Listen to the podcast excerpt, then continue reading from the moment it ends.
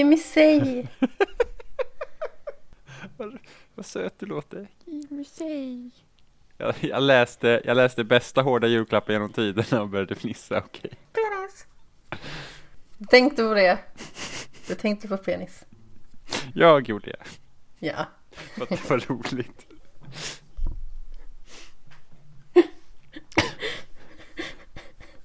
Vad tänker du på nu? Sak.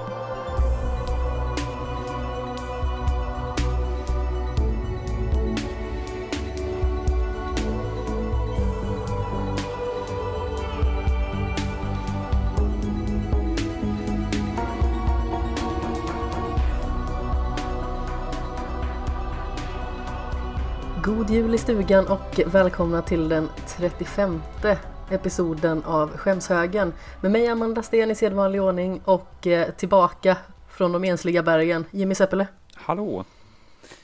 Ensliga bergen? Ja, Mumindalen. Ah, se, Du har varit på flykt. Här är ju sån dålig finne jag är va? Det inte kan den referensen. De ensliga människorna, vadå någonstans? Jag tänker bara på Muminhuset som existerar som en Det är bara Mumindalen. Ja, ja, exakt. Kommer man utanför det, då är det Mordor det, liksom. det är det jag tänker. När man säger Mumindalen så tänker jag på Muminhuset. Ja men det är väl klart att man gör det ju. Jo, men sen så liksom jag har ju så dåligt lokalsinne så det finns ju ingenting utanför Muminhuset. Jag bara, det här är Muminhuset. Så bara, ja. Korrekt. Där är det. Men det har ju sån stor symbolik ändå, Muminhuset. För Mumindalen? Ja, Jo, så är det ju. Men det är liksom så här att alltså, alla vet ju hur Muminhuset ser ut liksom. Jag är ju som en finlandssvensk amerikan liksom. The world according to me. Så här, det är Mumindalen och sen så är det där inget mer. Förnekar du badhuset i Mumindalen också eller? Se det nu. Och grottan? Precis. Eftersom de här ortsnamnen betyder ingenting för mig. Ortsnamnen. Jag har aldrig varit i badhuset. Jag kommer inte ihåg. Ja. Jag är så här Mumin-indoktrinerad verkligen sedan jag var liten. Jag såg så fruktansvärt mycket på Mumin. Och framförallt så var jag så himla rädd för morgon så jag minns ju liksom när jag var typ så här tre år kanske och varje gång morgon liksom kom liksom fram på tvn då var det så här mamma! då skulle mamma komma och liksom sitta med mig för att jag var så himla rädd. Mm, jag, jag var också livrädd för morgonen. Alltså jag är fortfarande livrädd för morgon. Alltså jag har inte sett Mumin på typ säkert 20 år. Oj. Jag minns att jag eh, tog upp det någon gång när jag var förkyld. Så, så pass liksom att jag inte kunde jobba. Jag lever ju ganska ofta i förnekelse när jag är förkyld. Liksom sådär att, Mhm. ja, nej men, eh, vad var det där? Jag känner till denna förnekelse av att vara sjuk. Ja, jag, eh, jag vet inte, jag tycker att det är jobbigt att vara sjuk. Just för att jag vet väldigt många liksom, på arbetsplatser som utnyttjar det faktum att man kan vara sjuk. Väldigt mycket, väldigt frekvent liksom. Och då tänker man bara så här, så här ofta kan man inte vara sjuk utan att liksom ha en kronisk sjukdom. Eller att man kanske skulle behöva kolla upp det. Mm. Eh, och jag liksom känner sådär att jag vill vara hemma och vara sjuk om jag verkligen känner att jag är sjuk, riktigt sjuk. Och i synnerhet nu liksom när jag jobbar på ett eget kontor och sitter för mig själv, då känner jag att jag behöver inte vara hemma om jag är lite förkyld. Mm. dels så jag har liksom ingen att snora på. Och dels så om man har träffat mig innan jag blev förkyld då har man förmodligen blivit smittad redan ändå. Mm. Men eh, hur som haver, Mumindalen var det vi var vid. Eh, då var det någon gång jag var så här riktigt förkyld och jag kunde liksom typ inte prata. Jag får mig att det var en sån när jag hade nackspärr också. Eh, och då blev det liksom att jag eh, värmde soppa. Det är en sån här grej som jag alltid gör när jag är sjuk. Jag vet inte varför. Det var nog för att min mamma alltid gjorde det när jag eh, var liten. Tomatsoppa då. Mm. Med lite chili på. Ehm, och lite spaghetti i. Yes. Ja. Ehm, och så satte jag mig framför min dator och så gick jag in på Youtube och Youtubade typ alla Mumin-avsnitt. Det fanns i någon liksom så här mapp Mm. och bara liksom plöjde Mumin. Det här var bara några år sedan. Kanske fyra, fem år sedan, någonting sånt. Jag var fruktansvärt ynklig, hur som haver. Men Jag vet inte, det känns så skönt och tryggt på något sätt att eh, äta soppa och kolla på Mumin när man är förkyld. Ja, Man känner Ja, sig så liten. jag kommer bara ihåg det här uh, spökskeppsavsnittet. Öh. Jag och min syrra var hemma hos eh, en av mina mostrar. Vi kollade Ja. på det. De, de var på någon middag hos några bekanta. Så satt vi uppe på deras vindsvåning och kollade på Mumin, det spökskeppet. Och vi blev så rädda så vi liksom sprang ut ur huset och typ gömde oss i trädgården. Alltså, ni gömde dig i trädgården av alla ställen. Ja, men uh, vinden var ju läskig. Man hade en ganska stor trädgård. Okej. Eh, ja, men spökskeppet är ganska så läskigt faktiskt. Men det är väl samma avsnitt som de kommer till den här fyren väl? Jag har ingen aning. Där det Jag finns kommer liksom en ihåg. enslig fyrvaktare. Säkert. Eh, Jag vill minnas det också. För att i början så tycker man ju att fyren är ganska så läskiga också. För att de liksom går runt där och bara Ja, det måste ha hänt någonting här. Mm. Men det är typ som Alltså när man har typ sett någon skräckfilm och sånt i alla fall det var så förut Alltså man har sett något läskigt Ja, Och så ville man typ så här, åh vad ska man titta på för att bli mindre rädd? Då kan man liksom inte slå på typ en så här äldre Disney-film De är ju skitläskiga Fast typ kollar man på typ Askungen Nej inte Askungen, eh, skön, nej va, vad säger Törnrosa. Törnrosa, tack eh, Det är ju jätteläskigt när hon blir, när drottningen blir liksom så här monster i slutet och så här av grön färg och grejer. Det är liksom obehagligt. ja. Alltså det är superläskigt men alltså ta typ så här Taran och den magiska Ja kitteln. men den är ju bara helt störd. den, den, den, Det är en av den mina favoriter faktiskt. Ja, den är jättebra. Men det är liksom så här att om man pratar om läskiga Disney-filmer. Ja, Taran och den magiska kitteln är jätteläskig men den är knappast den så här norm, läskigaste. Det är inte normen där. Den Nej, är nej, inte- absolut den är ju inte. helt, den är ju helt galen den filmen. Jag kommer ihåg när jag såg den första gången. Då var jag sex år. Och jag var hos min kompis. Nej, det var jag inte alls. Jag var sju år. För att vi gick eh, i ettan.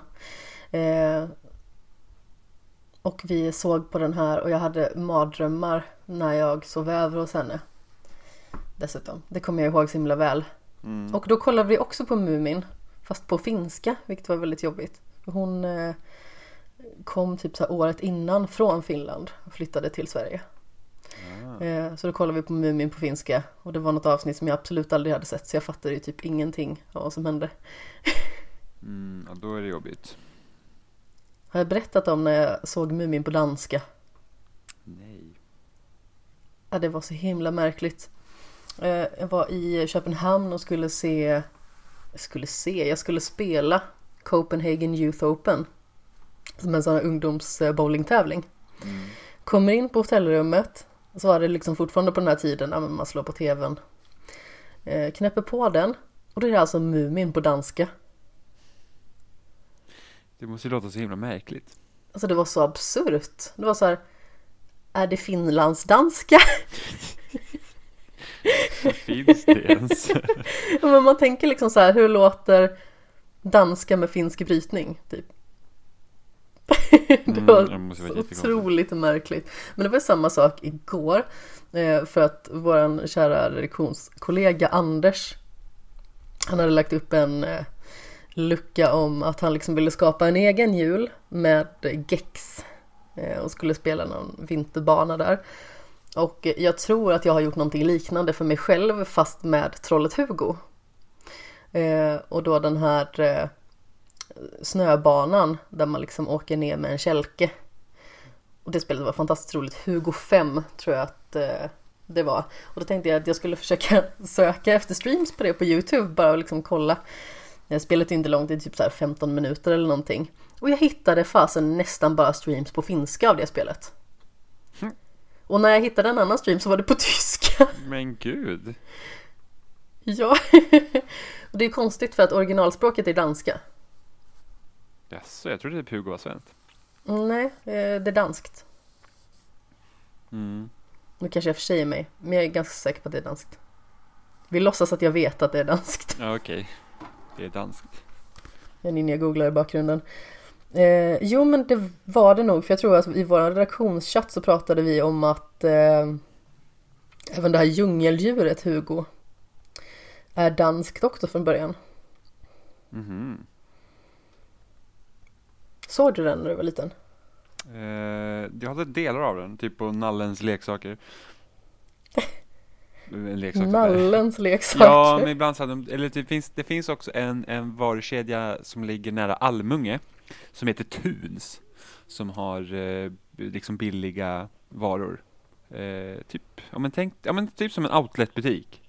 Ja, Eh, jag vet inte om den finns kvar längre, men under 90-talet och 2000-talet så fanns den i alla fall. Eh, och där hade de alltid så här typ långt inne i eh, den butiken så fanns det så här barnhörna med så här tv och sen soffa runt så man kunde liksom titta på ja men tv helt, alltså liksom barnprogram. Eh, och där, där gick väl Djungeldjuret Hugo någon gång, men oftast hade de Landet för länge sedan. åh. Så att eh, det är faktiskt typ det enda stället jag sett landet för länge sedan för, det är just på Tuns. Jag älskade landet för länge sedan. Eh, ja, jag har ju bara sett första filmen. Den är så sorglig. Det är den. Den är så hemsk. Ja. Fast jag tycker att den är väldigt charmig. Eh, I och med att liksom man får se hur gänget så samlades och blev den så udda kvintett som de är, eller vad man ska säga. Mm. Jag såg tvåan innan ettan. Dessutom. Jaha. Jag tror faktiskt att det är tvåan som jag tycker är bäst. Om jag ska vara ärlig. Tvåan, sen ettan. Sen Det trean. finns det typ så här 13 filmer eller vad det nu är. Jag har ingen aning. Jag kommer ihåg att jag hade sex stycken av dem när jag var liten. Mm. Gud vad inte juligt det här började. Vi prata om massa barnfilmer. Ja, det kanske är lite juligt i och för sig. Kanske. Ja, jag har aldrig varit någon sån som liksom har kollat på, på julkalendern direkt. Eh, jag... Ja, jag, alltså jag har inte sett julkalendern säkert på över 10 år. Alltså jag tror sist, sist senast jag kommer ihåg att jag kollade på julkalendern var typ den här eh, eh, Kaspar i Nudodalen eller vad den hette. Det var typ 2002. Eller Håkan Bråkan kanske. Som jag har faktiskt ingen 2003, aning själv. 2004. Det fanns ju en Mumin-variant. Lite obehaglig tycker jag. Ja, den där de gick runt i stora dräkter. Ja, exakt. Det är Ja, ju jätteläskigt faktiskt. Eh, och sen så var det ju den här när karusellerna sover. Ja! Och- Med han, eh, och vad heter han, som är lite rund? Eh, Bra beskrivning. ja men han, han är jättebra. Jaha, han! ja, men han, är, han, han, är, han är ganska känd komiker, lite av det tyngre slaget. Ehm, jag tänker på Jan Malmsjö, men det är det ju inte. Eh, åh gud, vad heter han? Eh, vi ska se. Jag vet precis vem du syftar på, men nu... eh, Kommer inte du heller på namnet? Det var Nej. olyckligt. Eh, nu ska vi se. ja, det var olyckligt.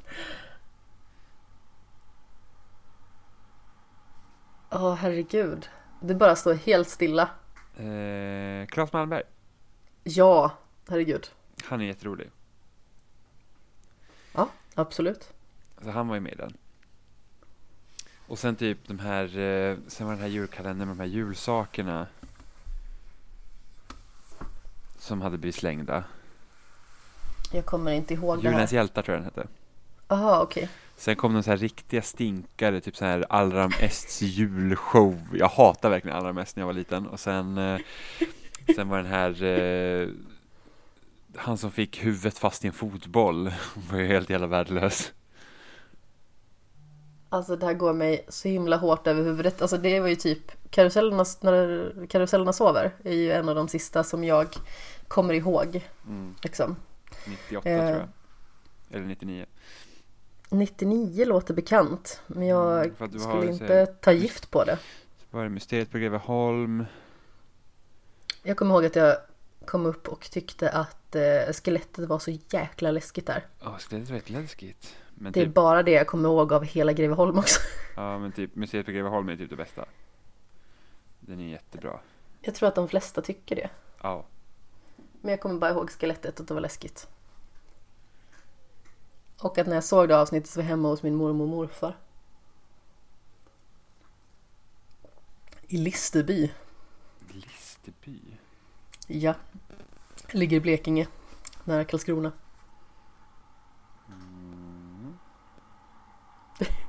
Du låter väldigt skeptisk här. Du bara, finns det här stället på riktigt? Ja, precis. Det här lät som ett skämt. Eh, Nej, alltså det är inget. jag tror dig. Eh, ja, nej men, eh, men det, alltså, det var så kul för att vi, eh, julkalendern gick ju ofta klockan sju på morgonen tror jag. Om vi ville se det liksom på, innan Ja, skolan. visst, visst Och var vår- det sju på morgonen och sex på kvällen? Ja, och vår buss kom typ kvart över sju. Mellan kvart över 20 över.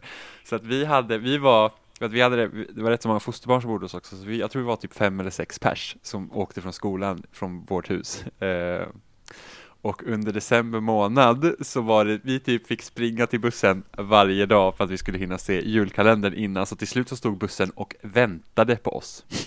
Va? Ja, för att det var liksom skolbuss det var liksom så att vi sprang alltid, så tänkte jag liksom fem barn som bara rusar ner för liksom en backe Och det är bussen som bara springer, så det var, det var ganska kul eh, så att, Och det, jag tror det var när Håkan Bråkan gick Ja, okej. Det måste varit 2003 Ja, säkert. Jag, jag har ingen minne av det faktiskt. mm. Det är väldigt många liksom som jag vet som är i vuxen ålder som fortsätter att se på julkalendern och har det som tradition. Men jag vet inte. Det har aldrig riktigt varit min grej det där. Alltså, jag hade gärna sett, men det, det, är det här problemet är ju att man, då, då har du en tid att passa och det är varje dag. Det är liksom den grejen som tar emot. Det var så här, ja men då så här, och så missar man kanske en dag och sen är det kört. Jag vill inte sitta och titta väl på att två. se på SVT Play antar jag. Jo, det, jo, det det gör det. Men ändå, det är så här, då ska man upp på morgonen, ska man titta på det och sen så bara, mm, alltså, och så missar man kanske en dag och så här, då måste jag se två avsnitt på en dag sen, dagen efter. Och det är så här, bara, äh, men då blir det för mycket tid helt plötsligt. en halvtimme. Men det är ändå så här, ja, eh, så vet jag inte. Men det har varit kul liksom att köpa gamla julkalendrar och titta på. Alltså Pelle Svanslös julkalendern var ju också jättebra. Just det! Den kommer jag ihåg nu när du säger det. Och sen var det typ Jul i Kapernaum tror jag den hette, den som kom innan. eh, Kommer inte ihåg. Innan museet på Greveholm. Jag för mig. Men annars så. Eh, annars så har jag liksom inte kollat liksom på flera, flera, flera år.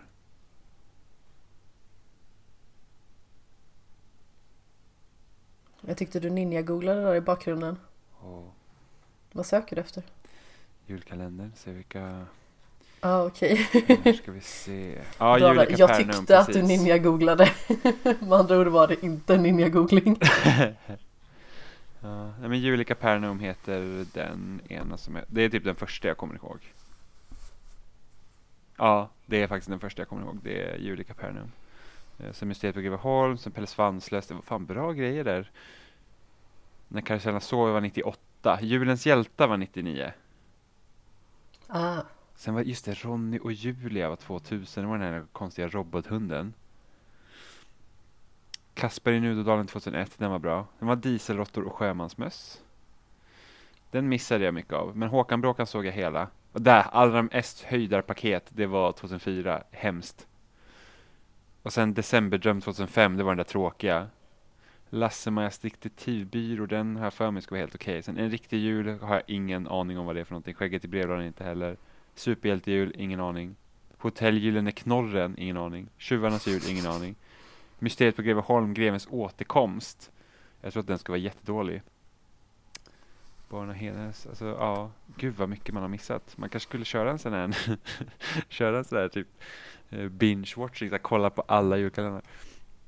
Oh, det lät faktiskt ganska Ah. Jag vet tusan alltså. Jo då. Fem myror är fler än fyra elefanter hade en också. Jaha, Uh, vilket då var Mumin? Mumin var 73. Herregud. Ja. Då fanns man inte. Det är helt korrekt analys av situationen. Mm. Ja, Albert och Herberts julkalender är så konstiga. Alltså, Sverige var så konstigt på 70 80-talet. Liksom. Det, det är ganska kul grej. Man kan liksom se på barnprogrammen vilka värderingar som samhället vill klistra på barnen. Ja, jo det är sant. Det är väldigt Absolut. mycket sån här typ så här någon filosof eller något så här så bara, ah, men nu ska vi göra så här och flummar iväg och så får barnen ta stryk liksom. Helt klart. Eh, alltså vi har ju en del frågor att gå igenom idag. Mhm. Ja, det vet du om. Du lät så himla frågande. Ja, ja, ja, jag är ju- slår ju på en bra show här. Ja, okej. Men eh, jag tänker att vi börjar i den änden och eh, jag undrar vad du tycker om julen i allmänhet. Alltså då kan det vara precis gällande vad som helst. Det finns liksom kanske inte några jättestrikta ramar. Men vad tycker du om julen? Eh, det är nog min favorithögtid faktiskt.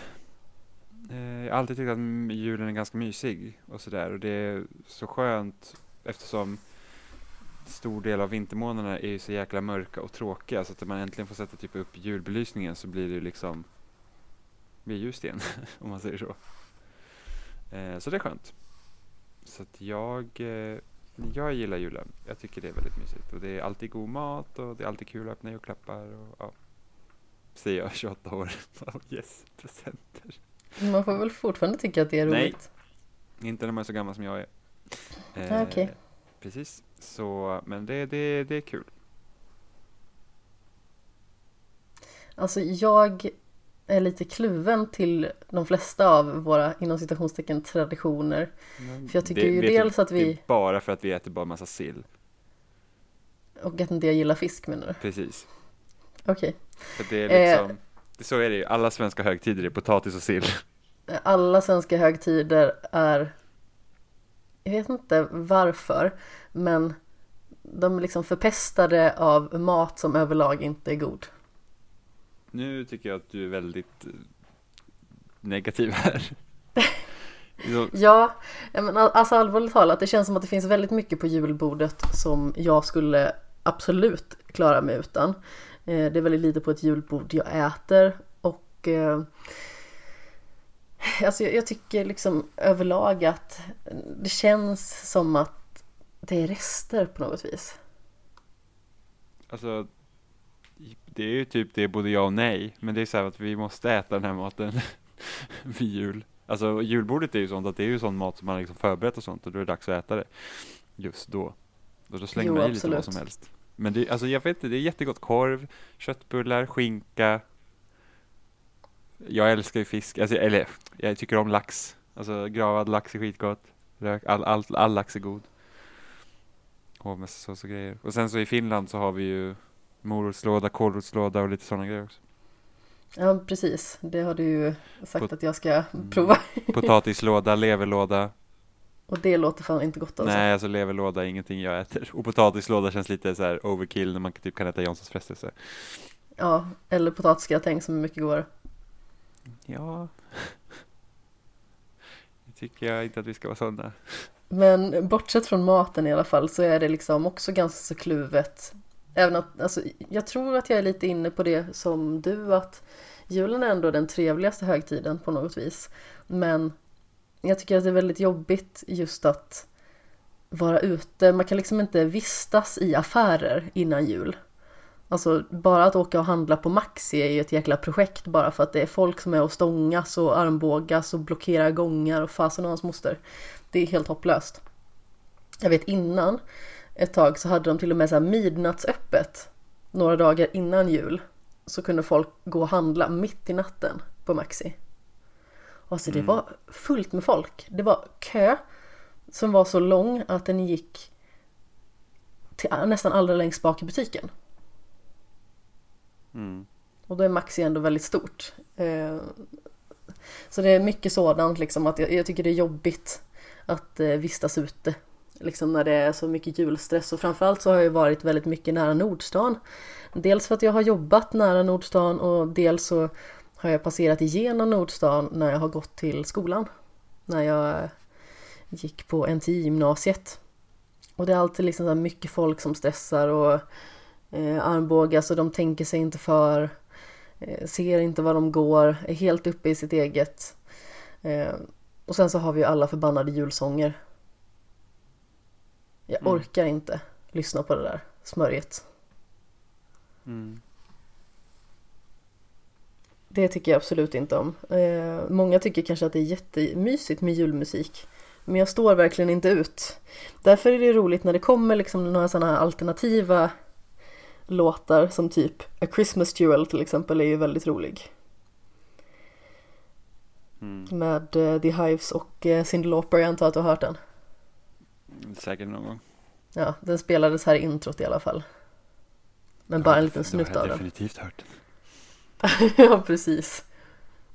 Eh, och sen så Grotesco gjorde ju en låt som eh, heter Tomten är en kommunist. Som är fantastiskt rolig. Mm. De är väldigt bra på eh, sätta roliga texter till eh, alltså väldigt svängig musik. Så det är liksom kul när det finns lite alternativ och allting inte ska vara så mega traditionellt. Mm. För mig är väl lite mer julen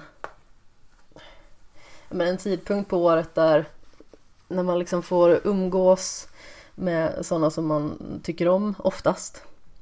Ehm, och liksom bara, bara mysa tillsammans. Och jag tycker att det är väldigt roligt att ge julklappar framförallt. Mm. Så jag är oftast ute i hyfsat god tid.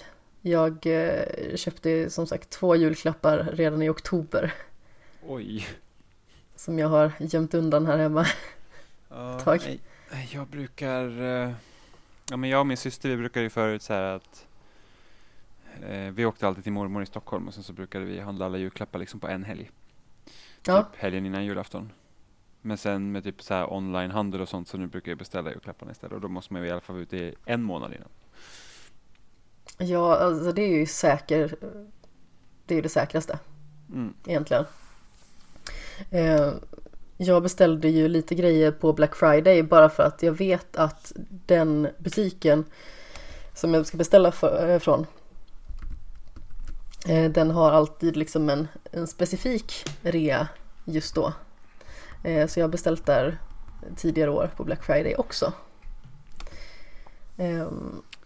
Ja, jag väntade ju på Black Friday att jag skulle kunna ha, för jag hade ju några idéer till julklappar så, här, så väntade jag ju på Black Friday just för att jag hoppas att de hamnar ner i pris. Ingenting av vad jag hade tänkt att köpa till någon gick ner i pris på Black Friday. vilken otur. Ja, så att eh, fuck that day. Ska fan bojkotta Black Friday. Konstant. Eller den veckan som det numera är. Snart är det väl en svart månad antar jag. Mm, sen är svarta året, Oj, rea hela tiden. mörkt är lätt. Nu jävlar ska vi spendera. Eh, Ah. mm, jag köpte faktiskt ingenting till mig själv heller riktigt i, under Black Friday i år. Förra året köpte jag ju en extra datorskärm Ah, just det. som kom, det var helt sjukt, den kom när fan beställde jag den? den? Jo, den kom typ samma dag eller någonting sånt, det var helt Oj. bisarrt. Ja, men alltså, jag har varit med om så konstiga grejer när jag beställt saker. Det var som typ i somras när jag beställde Witcher-böckerna. Och så, Ja. så tänkte jag så jag hoppas jag får dem innan, alltså helgen, för att jag skulle jobba på helgen. Då tänkte jag, då kan jag lä liksom börja läsa första boken när jag pendlar. Och så kom fredagen och inga böcker. Och sen mitt i natten så dunkade det på min dörr och jag var såhär, vad fan, nu är det någon som varit ute och supit liksom och knappt kan gå rakt i korridoren. Ja, ja, skit i samma. Går ut med valpen på morgonen, på lördag morgon då innan jag ska till jobbet och bara en påse från Adlibris hänger på min dörr. Och var såhär bara, det här är mina böcker. Och man bara, men alltså, va? De kom mitt i natten! Det är så himla hemligt. Ja men hur? Det är liksom så att det är för stort paket för att vara i min brevlåda, så då ska det till ett utlämningsställe. Men då har någon Ja. gått upp till min våning och hängt ut, alltså nej jag fattar, jag fattar inte hur det har gått till. Men vanligtvis, i vanligtvis i Postnord så, ja, vi har kontaktat kunden, kunden var inte hemma, ingen svarade och man bara, ni har inte alls hört av er jävla töntar.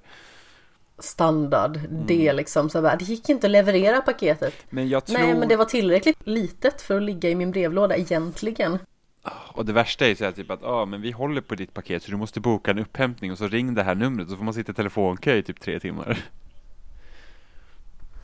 Åh herregud. Det är jättejobbigt. Men alltså det är så konstigt med det här med, och sen, sen typ när jag beställde den här, det sjukaste var att när jag beställde så här diabeteshjälpmedel från eh, vård, från eh, 1177, så då, då fick jag ju samma dag också det paketet, och sen tre Men dagar senare kom ett nytt paket med exakt samma grejer. Och jag var så, så jag fick dubbeldos. Jättekonstigt, jag förstår inte hur det har gått till. För man kan ju bara Nej. beställa, du kan ju bara beställa eh, e- efter två månader, så du kan ju inte beställa hela tiden. Och nu fick jag liksom två runder. Nu har inte jag varit inne och kollat om de har räknat bort två stycken recept på mig, men eh, men ändå. Nu har jag ju liksom typ ett halvår framåt. Det är skönt. Helt klart. Eh, vad var det jag skulle säga? Jo, förra året. Alltså, jag tycker att det är ganska så kul med att ha liksom en lite nördig sån här ful jultröja. Och jag hittade en jättefin, en fin ful jultröja. Eh, med eh, Batman-tema. Så det var eh, liksom strålkastarljuset upp till Batman-logon och sedan så var det liksom en City Skyline. Den var verkligen jättesnygg. Så jag beställde den. Och när det hade gått typ så tre veckor så började jag så här. Vad är det som händer egentligen? Mm. Så då hörde jag av mig till sidan jag hade beställt ifrån. Och eh, jag hade ju fått faktura och allting och väntat på att betala den. Och de liksom bara, ah, men eh, den finns inte längre. Okej. Så hade ni tänkt att meddela mig att inte den fanns längre eller? Mm. Jag tänker ju inte betala den här fakturan. Nej, det är klart. Vad Mm, konstigt, nej, de brukar ju men- först fakturera när de skickar ut det liksom. Ja, men jag hade beställt andra saker också. Aha, Så den var ju med där också. okej. Så det var väldigt irriterande. Men jag får mig att det var hyfsat lång eh, långt betalningsspann i alla fall. Så det var liksom inte det att jag riskerade att gå över tiden ändå. Men det var väldigt störande. Det var så här, men då liksom behöver ni dra av det här från min faktura. För jag tänker inte betala någonting som jag inte kommer få någonsin. Ja, men precis. Så blev jag lite irriterad över det. Och så gick jag in på sidan igen och så tänkte jag så här, ja men det finns en annan Batman-tröja. Som faktiskt också var väldigt snygg. Mm. Så jag beställde den. Ehm, och så tänkte jag så här att, ja men. Visst är inte den tröjan jag egentligen vill ha, men det är liksom ett bra alternativ. Får en tröja i lådan, öppnar, då är det inte den tröjan. Nej, Det är en Batman-jultröja, men det är inte den Batman-jultröjan som jag har beställt. nej. Ringer igen. Ja, hej. Ehm, jag har beställt en jultröja här från er som eh, är med det här och det här motivet på.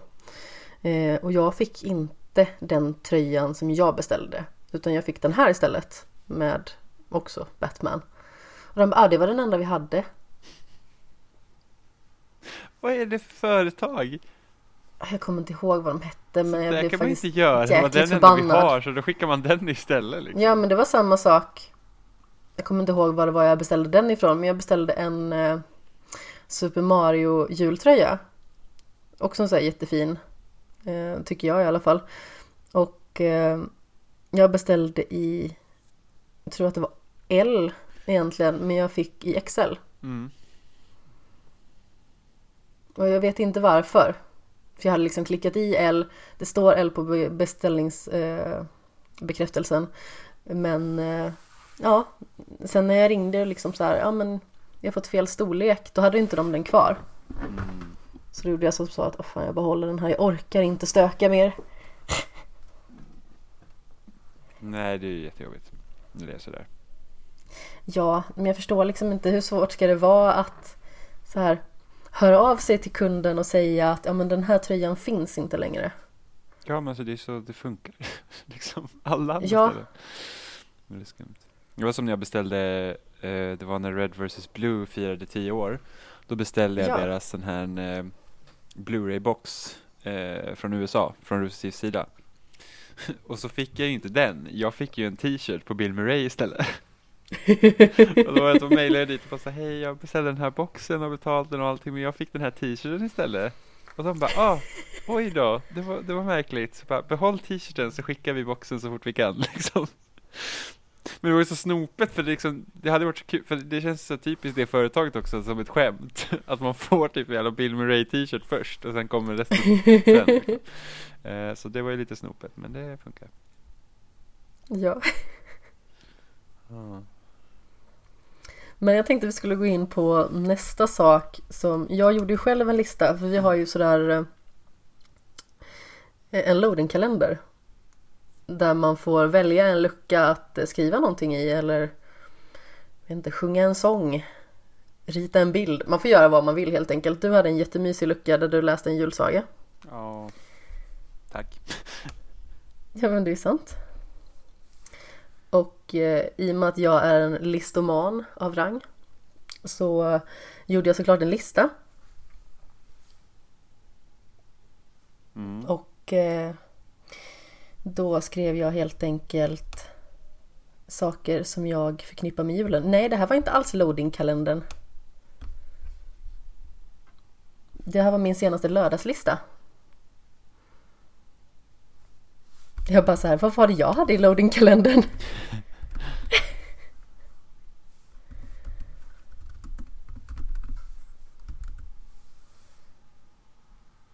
Just det, jag hade skämshögspel i min lucka. Det är därför jag blandar ihop det. Men hur som helst, den senaste lördagslistan i alla fall, så eh, listade jag fem saker som jag förknippar med julen. Och det tänkte jag att du skulle få göra också. Mm. Så jag tänker vi kan ta varannan, så du får börja. Ska jag börja? Ja. Eh, jag förknippar julen väldigt mycket med Mario Kart Double Dash. Mm. Eh, just för att, ja men det släpptes ju, var det, november 2003 tror jag, men jag fick det i julklapp. Och det var att jag och min syster, alltså vi båda älskar ju verkligen Mario Kart och har alltid gjort. Eh, speciellt, jag tror att, alltså min syster hon är ju egentligen typ en av anledningarna till att jag tycker om tv-spel.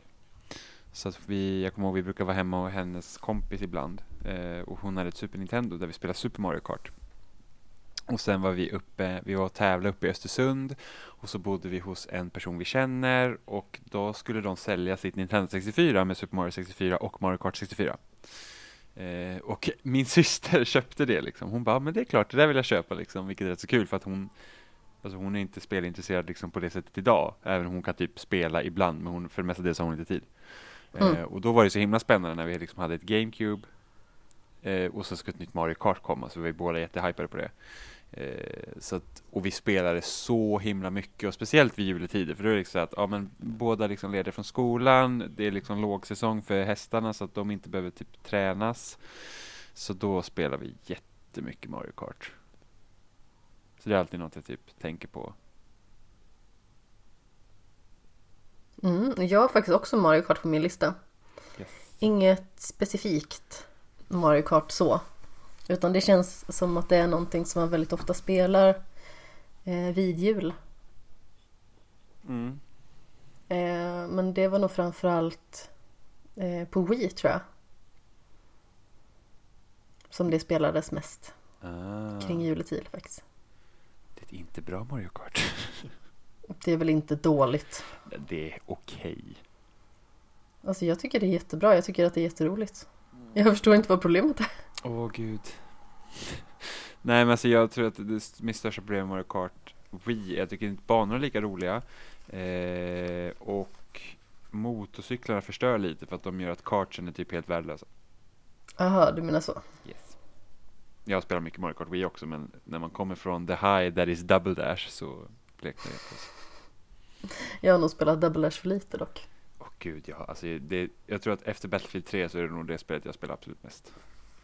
Battlefield 3 alltså. Ja, jag spelar Battlefield 3 över tusen timmar. Va? Ja, och det tycker jag är så här jättemycket. Och så ser man Varför? typ andra spela typ så här Dota 3 så här, ja jag spelade typ i 5000 timmar och man bara, "Åh, du är galen. eh, för att jag älskar Battlefield 3. Jag tycker det är skitbra det spelet. Jag var alltså helt, alltså det, jag spelade så otroligt jäkla mycket från typ det släpptes det 2011 så spelade jag i princip Alltså med i, i periodvis liksom ända fram till Battlefield 4 Som släpptes 2013 Oj, Eh, Okej, nu, nu lät inte det så långt så det var. Sen när jag spelade lite Battlefield 3, när det blev typ bakåtkompatibelt på Xbox One, så startade jag upp det igen. Eh, jag, jag tycker bara att det är liksom det perfekta Battlefield. Det är perfekt eh, balans mellan marktrupper och fordon. Eh, sen så förstörde de väl lite med vissa uppdateringar som inte funkade på konsol, eftersom på konsol hade man mindre mindre banor oftast och eh, mindre spelare vilket gjorde att när de släppte de jättestora banorna till PC så gjorde de typ att vissa så här, eh, målsökande saker för typ helikopter och sånt fick längre range så det var skitsvårt att börja köra dem liksom.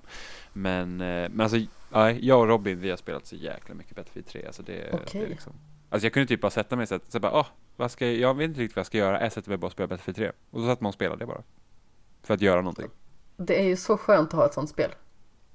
Ja, och jag brukar ofta ha det med multiplayer-spel Mitt sådant spel just nu har ju blivit eh, Stardew Valley. mm. För att vi har ju spelat det, du och jag, Emma och Robin, Ja ganska så mycket ändå. eh, De senaste veckorna. Och jag har liksom känt eh, nu när vi har liksom börjat närma oss slutet av året så har jag inte hela tiden lika mycket ork. Alltså dels så har jag jobbat ganska så intensivt de senaste veckorna. Jag är på sluttampen på mitt arbetsprojekt där jag har eh, gjort eh, 136 analyser. Och jag är på den näst sista nu. Den är snart klar. Sen har jag bara en kvar. Och de senaste veckorna har jag gjort väldigt många och jobbat väldigt intensivt. Så då känner jag liksom att jag har nästan inte riktigt orken att engagera mig så himla mycket och ta till mig en berättelse. mm. Så därför känns det väldigt skönt. För då startade jag upp en, star, en sparfil i Stardew Valley. Och eh, eh, dessutom så valde jag ett eh, ställe då en gård som är väldigt nära vatten. Eh, det är omringat av vatten. Och jag har ju som min personliga grej liksom när jag spelar Stardew Valley att jag blir väldigt snusmumriken och eh, går och ställer mig och fiskar titt som tätt. Och eh, nu har jag liksom en, en hel sjö bara nerför slänten. Mm. Så då gör jag det väldigt ofta. Det är väldigt meditativt. Och framförallt är Stardew Valley ett sånt spel där jag kan liksom lyssna på ljudbok samtidigt som jag spelar. Mm. Och det kan också vara väldigt mysigt, liksom så här, men spela lite, lyssna lite på ljudbok. Jag har haft samma sak med Fifa liksom. Eh, I perioder att jag har lyssnat på ljudbok och så har jag eh, spelat. Jag gillar ju att multitaska, jag vet att du kanske inte är ett lika stort fan av det som jag är. Men det beror Men på vad man gör. Alltså, jag, tycker om att teckna och göra saker samtidigt också. jag brukar lyssna på podcast samtidigt som jag spelar. Men jag spelar Mm. multiplayer. Så typ lyssnade igenom hela bakkatalogen på Stuff You Should Know för typ, ja kanske var 2014 eller någonting sånt. Spela Titanfall. Ja, samtidigt. kul. Mm. Så, att, eh, så det kan jag göra, men så fort det handlar om visuella grejer så då, då, måste, då kan jag inte göra två saker samtidigt. Så att det är typ, ja men nu satt jag väl och gjorde lite grejer i Photoshop samtidigt som jag kollade på till exempel Watchmen, alltså filmen. Eh, Som jag Mm. hade sett förut förvisso, men det är så att då försvinner jag helt in i Photoshop så jag, liksom, jag, jag lägger inte märke till filmen eller vad jag tittar på. Så att det känner jag att det måste jag liksom, tittar jag på någonting då måste jag titta på det. Annars kommer inte jag ha någon koll på vad som händer. Mm. Men, Det beror eh, på lite i perioder för mig själv hur mottaglig jag är. Mm. Jag har noll mottaglighet. Vad är din nästa punkt på listan av fem? Ja, var det min tur igen? Åh nej. Det var det, jag sa ju Eh, Mario Kart. Den är med yes. på min lista också. Mhm, Så det är så det är. Så se om du säger. eh, min nästa, alltså, ja, Harry Potter Oh. förknippar väldigt mycket jul. För det är alltid när december börjar komma fram och julbelysning och sånt åker fram. Då, då, då känner jag så en stor, alltså jag bara såhär, åh nu ska jag vilja liksom titta på Harry Potter-filmerna igen. Ja, Det är bara för att vint eller julgrejerna i Harry Potter är så himla mysiga, speciellt i första filmen. så fruktansvärt mysiga. Ja, med liksom slottet i snö, mycket snö, och sen, eh, och sen paket och allting. Och så just den här, alltså det som är så bra med Harry Potter är att de får in den här magiska känslan, att allt känns liksom så himla Alltså jag vet inte, det, det är någon mysfaktor där och det tycker jag, julen känns ju lite magisk faktiskt. Så att det, ja, det, det, det, det har jag. Jag håller med. Jag har inte med den specifikt på min lista, tyvärr. Eh, men det känns som att Harry Potter skulle man kunna sätta på nästan allting. Däremot så satte jag mig faktiskt när jag hade eh, bytt batterier i all min belysning här hemma. Eh, satte på den och så satte jag mig och kollade på min favorit Harry Potter-film. Harry Potter och Fången från Azkaban. I lördags vill jag minnas att det var. Mm. Och det var så mysigt att bara sitta och kolla och så har jag för mig att jag tecknade lite eller någonting sånt samtidigt. Bara mysa ner mig. Men där är också det, det är väl när de är i Hogsmeade också, när de har eh, eh, fått den här eh, Marauders Map. Ja, just det, och sen så får man se en jättecringy scen när Harry blir jättearg. Jag jag mår alltid så dåligt när jag ser den. Ja, för jag tycker bara så jag bara, åh gud. Nog för att jag tycker att alla barnen ofta för, är bra, men just där är det verkligen så här, uh. Det är jobbigt att titta på. Ja. Men det jag gillar med alltså just tredje filmen det är ju att eh, det är ju Alfonso Cuarón som har regisserat den. Vilket har gjort att den blev väldigt mycket mör- mörkare än de tidigare två filmerna. Ja, och de fuckade upp hur Hogwarts ser ut. Så jag har inget problem med hur Hogwarts ser ut efter det. Nej men alltså nej för att sen kör de ju på den linjen så då får det vara helt okej men att gå från Hemligheternas kammare till eh, Fången från Azkaban man måste säga bara ja jo den här du vet plana ytan som Hagrids stuga var på det är nu mera ner för ett berg Ja men typ nerför en slänt. Ja, Det känns ju lite avigt förvisso. Men jag tycker ändå att eh, men när jag det läser ser bra om ut. alltså, Ja det gör det ju, men när jag läser om böckerna så är det ju fortfarande en plana ytan jag ser Ja. För det är liksom så typ att det är, må- det är många gånger jag vet att till exempel Fan vilken, undrar om det kan vara Fenixorden när typ eh, de skickar iväg Hagrid igen. Så då, då ser ju Harry det från typ Gryffindor-tornet. Och då tänker Ja. jag att då, då känns det som att det är liksom plan. Och sen så är det mycket Alltså avståndet mellan Hagrids eh, hydda och slottet är mycket längre i, mi, i mitt huvud än vad det är liksom i, i Harry Potter-filmerna. Alltså de senare ja. också Faktiskt Mm. Eh, näst på tur på min lista är eh, tiramisu. Vad sa du? tiramisu. Ah, det klippte bort, förlåt. Nej det är ingen fara. Eh, du lät först helt så bestört bara, Vad sa du? jag hörde bara såhär t- Då blir man lite bestört. Ja. eh, nej men grejen är ju den att eh, jag och mina föräldrar har en egen tradition på jul för att framförallt så är jag väldigt trött på julmat och det är väldigt lite saker som jag äter och dels så har vi ganska så stark koppling till Italien, eh, vår familj. Så därför blev det som så att vi började äta italienskt julbord inom citationstecken. Med eh, men lite kallskuret och ostar. Eh, lite marinerade oliver och lite sådana grejer. Och eh, naturligtvis pasta, spenatrulle. Och eh, då avslutades alltid eh, julmiddagen då med att äta tiramisu. Mm. Som då eh, för den oinvigde är eh, en riktig eh, sötbomb. Men det är mascarpone i och det är kaffe, amaretto och savoyardi-kex är det liksom som utgör själva strukturen. Eller så här ladyfingers Mm. helt enkelt. Och jag tycker att det är barnsligt gott. Det är nog en av mina absoluta favoritdesserter. Men eh, att beställa det ute på restaurang kan vara jätteriskabelt. För att eh, oftast är volymerna inte så jättebra. Så eh, det har en tendens att eh, ibland smaka alldeles för mycket sprit. Mm. Och det är inte jag jätteförtjust i faktiskt. Nej men jag tror att det är, gillar när allting gifter sig. det är ganska medvetet nog att de har då i mer sprit i den. Kanske. Jag tycker Fan. inte det är så gott när det är det i alla fall. För det var alltid bra när man gjorde mat i skolan. Eh, och så skulle man typ göra rödvinssås eller någonting och ha vin Ja. i såserna. Så stod, man, så stod det så här typ en deciliter och då tog man två. Så fick man bra av lärarna. De bara, "Åh, det smakar så bra. Och man bara, jajamän, det gör det.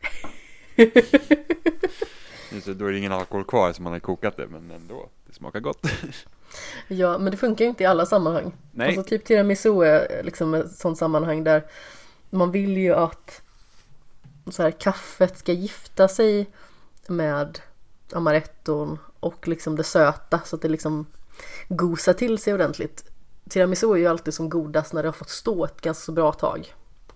Typ när man kanske äter den tredje gången eller någonting sånt så är den som godast. Ehm, men en sån här eh, grej som jag tycker kan bli väldigt för mycket spritig det är typ att beställa mojito ute. Oftast är inte de tillräckligt sura. Utan det smakar liksom bara rom. Det är fruktansvärt äckligt. mm. Nu är inte jag en jätte så här, jag vet inte, bevandrad person i drinkvärlden och så. Så eh, det är kanske folk som skulle säga att jag har fel. Men jag föredrar när det liksom inte smakar så mycket sprit. Och därför är det perfekt. Det finns en eh, restaurang i London som heter Chiquito. Mm. Och de har någonting som heter Mojito. Jag föredrar ju att inte dricka alkohol. Av olika anledningar. Mest för att jag tycker att det är onödigt och jag tycker att det liksom inte ger mig så himla mycket. Eh, och Mojito är liksom alltså utan alkohol då. Och den är så löjligt god. Så det gillar jag. Då blir det liksom lite mer Ja men eh, läskdrink nästan. Mm. Av det surare slaget. På din lista härnäst har vi Ja. Eh, jag tror jag har julbyar. Så vi, när jag bodde hemma fortfarande så hade vi, alltså vi hade jättemycket julpynt. Okej. Alltså, alltså det är så här, alltså min mamma ville ju typ ha så här, åh, amerikansk jul. Låt oss pynta nej. upp liksom hur mycket, alltså inte, inte liksom så smaklöst som vissa av husen kan vara. Man så här är en typ en explosion av lampor i typ hundra olika färger och man så bara kräks på mig typ. Eh, men liksom så att det ändå skulle finnas mycket och det skulle liksom vara liksom glatt lysande och sånt. Eh, och eh, ingen ville julpynta dock, förutom jag. Okej. Så det, är så här, det är jättekul att titta på men ingen vill hjälpa till. Eh, så att jag fick ju basa över julpyntningen och då hade vi sån här eh, julbyar som man hade typ köpt på guldfynd. Som har så här, typ, ja men det är porslinshus och lite olika eh, så här, figurer och granar och grejer och sen så har de lampor i sig så de lyser hela tiden. Eh, så jag hade liksom en hel sån här byrå, liksom ovanpå byrån så hade vi liksom där la vi ut så här, typ, ja, men så här speglar som ska vara som is och så köpte man bomull så det blev som snö och så la man liksom upp en julby. Eller vi hade tre stycken. då. Som man fick bygga på. Och så här, sånt tycker jag är skitkul. Jag är lite pysslig av mig även om jag inte pysslar så mycket. Men det är så här att, ja men det, det är nice.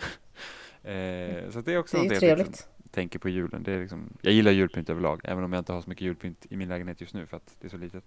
Men, eh, men så det tänker jag på. Och det är så jättekul. Och jag har alltid är fascinerad av så här små, ja men typ, alltså leksaker och sånt överlag så här, när, när saker och ting är litet. Så att det är som en hel värld gömmer sig liksom i i det lilla, om man säger så. Därför typ, jag vet inte om det var, var det under Gamescom? Nej, vad fan var det?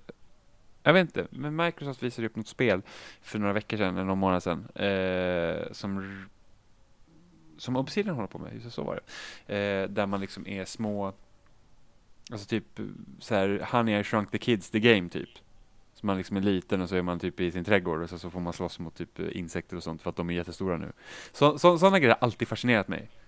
Eh, så man liksom att, att, att saker och ting blir mindre och så lever man liksom i så att, så att alla, som Toy Story till exempel, och det är också här, leksaker är små. Ja. Och så blir liksom hela världen blir liksom jättestor, sånt tycker jag är skitkul. Och därför tycker jag Ja. också det är kul liksom att hålla på med så här julbyar och sånt, liksom sitta och pyssla med. Jag hade säkert älskat typ att bygga så små modeller och sådana grejer ställa, om man har haft tålamodet eller liksom, och pengarna för det. Så att eh, det är en grej. Ja. Jag kan också vara rätt pysslig av mig men jag är inte så pyntig av mig. Jag har min lilla lilla julgran, en plastgran. Och sen så tycker jag om ljus i allmänhet, alltså inte värmeljus då utan eh, belysning av olika slag. Eh, som liksom är av den mysigare sorten. Så det är väl mer det jag dras till liksom. Mm. Det ska vara my- mycket mysbelysning när det är jul. Alltså jag har ju typ ingen gran för att jag vill inte köpa en liten gran, jag vill ha en stor gran. Och jag har inte plats med en stor gran så då får det vara Mm, Du får väl skaffa en fikus eller något att klä den. Men nej Oj, vad arg jag lät.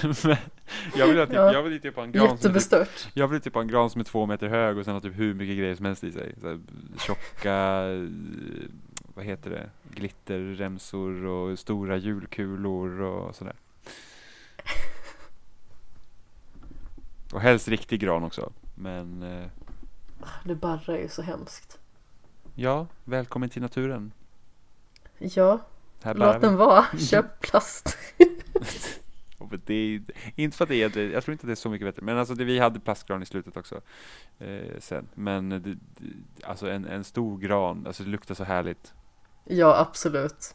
Och sen ska jag inte säga att en plastgran är så himla mycket bättre heller. Det finns Eh. otroligt fina plastgranar. Men för naturen Jag, kanske jag tycker min är rätt söt. Mm, men den är ju liten. Ja, den är liten. Min lägenhet är också liten. Det blir trivsamt. Allt är i proportion. Till och med granen. Mm, precis. Det är en gran för en etta. Och, Men eh, hur som haver. Eh, min nästa på listan är Batman Arkham Origins. Och jag vet att det är väldigt många som neggar på det här spelet.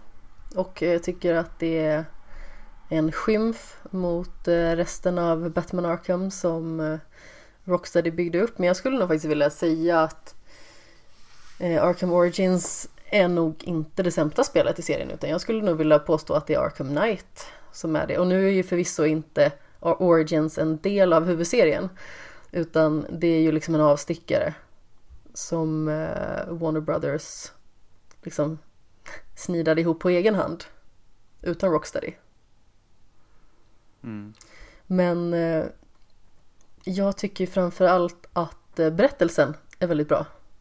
Och att eh, förankringen till Jokern och hur Jokern och Batman träffas porträtteras väldigt väl i den berättelsen. mm, Och varför jag tycker att den liksom anknyter så himla väl till jul, det är ju dels så var det ju som följer att jag köpte det 2013 var det väl när det släpptes. Eh, och jag spelade 2012 till och klart. tror jag. Nej, Jag är inte, kom jag är in. ganska så säker på att det är 2013 som det släpptes. Alternativt 14. Ja, 2013 stämmer. Ja, Fan, det kom ut alltså samma år som nya konsolerna. Hur ja, fan hade jag tid att spela det? jag vet inte. Nej, inte jag heller.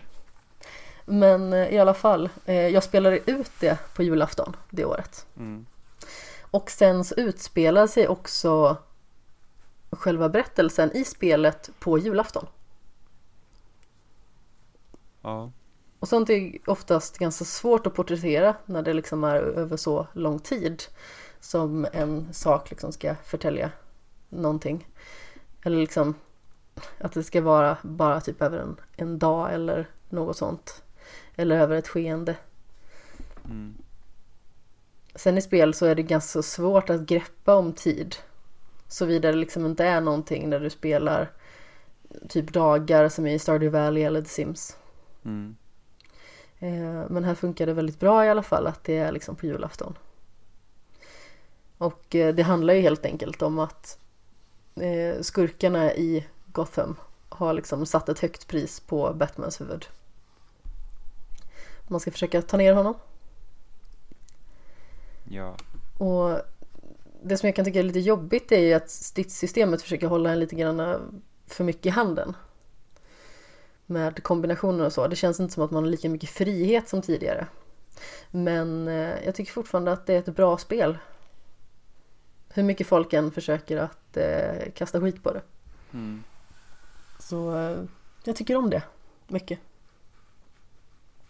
Jag har varit sugen på att spela om det nu inför jul också. Men jag har inte riktigt haft tid och jag har faktiskt tänkt att eh, bara för att kunna spela det på Playstation 4 i och med att det är mycket mer lägligt och bekvämt eh, testa eh, Playstation Now, för där finns det. Jaha. Mm. Så har jag förstått det i alla fall. Jag har för mig att det var en, eh, en spelbekant som hade spelat det den vägen. Ja, det är mycket möjligt. Jag tror inte att det finns på, jag tror inte det spelet finns på någon av de nya konsolerna va? Eller Nej, nuvarande det konsoler. finns, det finns på eh, PS3, eh, Xbox 360 och så finns det på Wii U. Undrar om det har blivit bakåtkompatibelt på Xbox One? Det kanske det har blivit. Ja, jag, jag minns inte.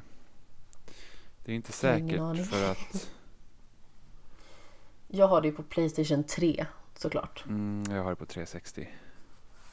Också såklart. Ja, men jag tror inte att någon av Batman-spelen är bakåtkompatibla på på, uh, på Xbox One för att de vill ju sälja de nya versionerna. Ja, jag förstår. Eller som- Det har ju kommit eh, Return to Arkham. Ja, som är som de har gjort någon konstig uppdatering så att det liksom ser typ sämre ut på vissa sätt. Men det är fortfarande lika bra spel. Jag har spelat eh, båda. Jag har ju bara klarat ut Batman-spelen en gång styck Oh. faktiskt. Jag tror jag började om på Arkham City för att köra på svåraste men det är bara så att jag är ingen bra på fightingspel. Eh, och när symbolerna försvinner så har jag svårt att klara striderna. Jaha, okej.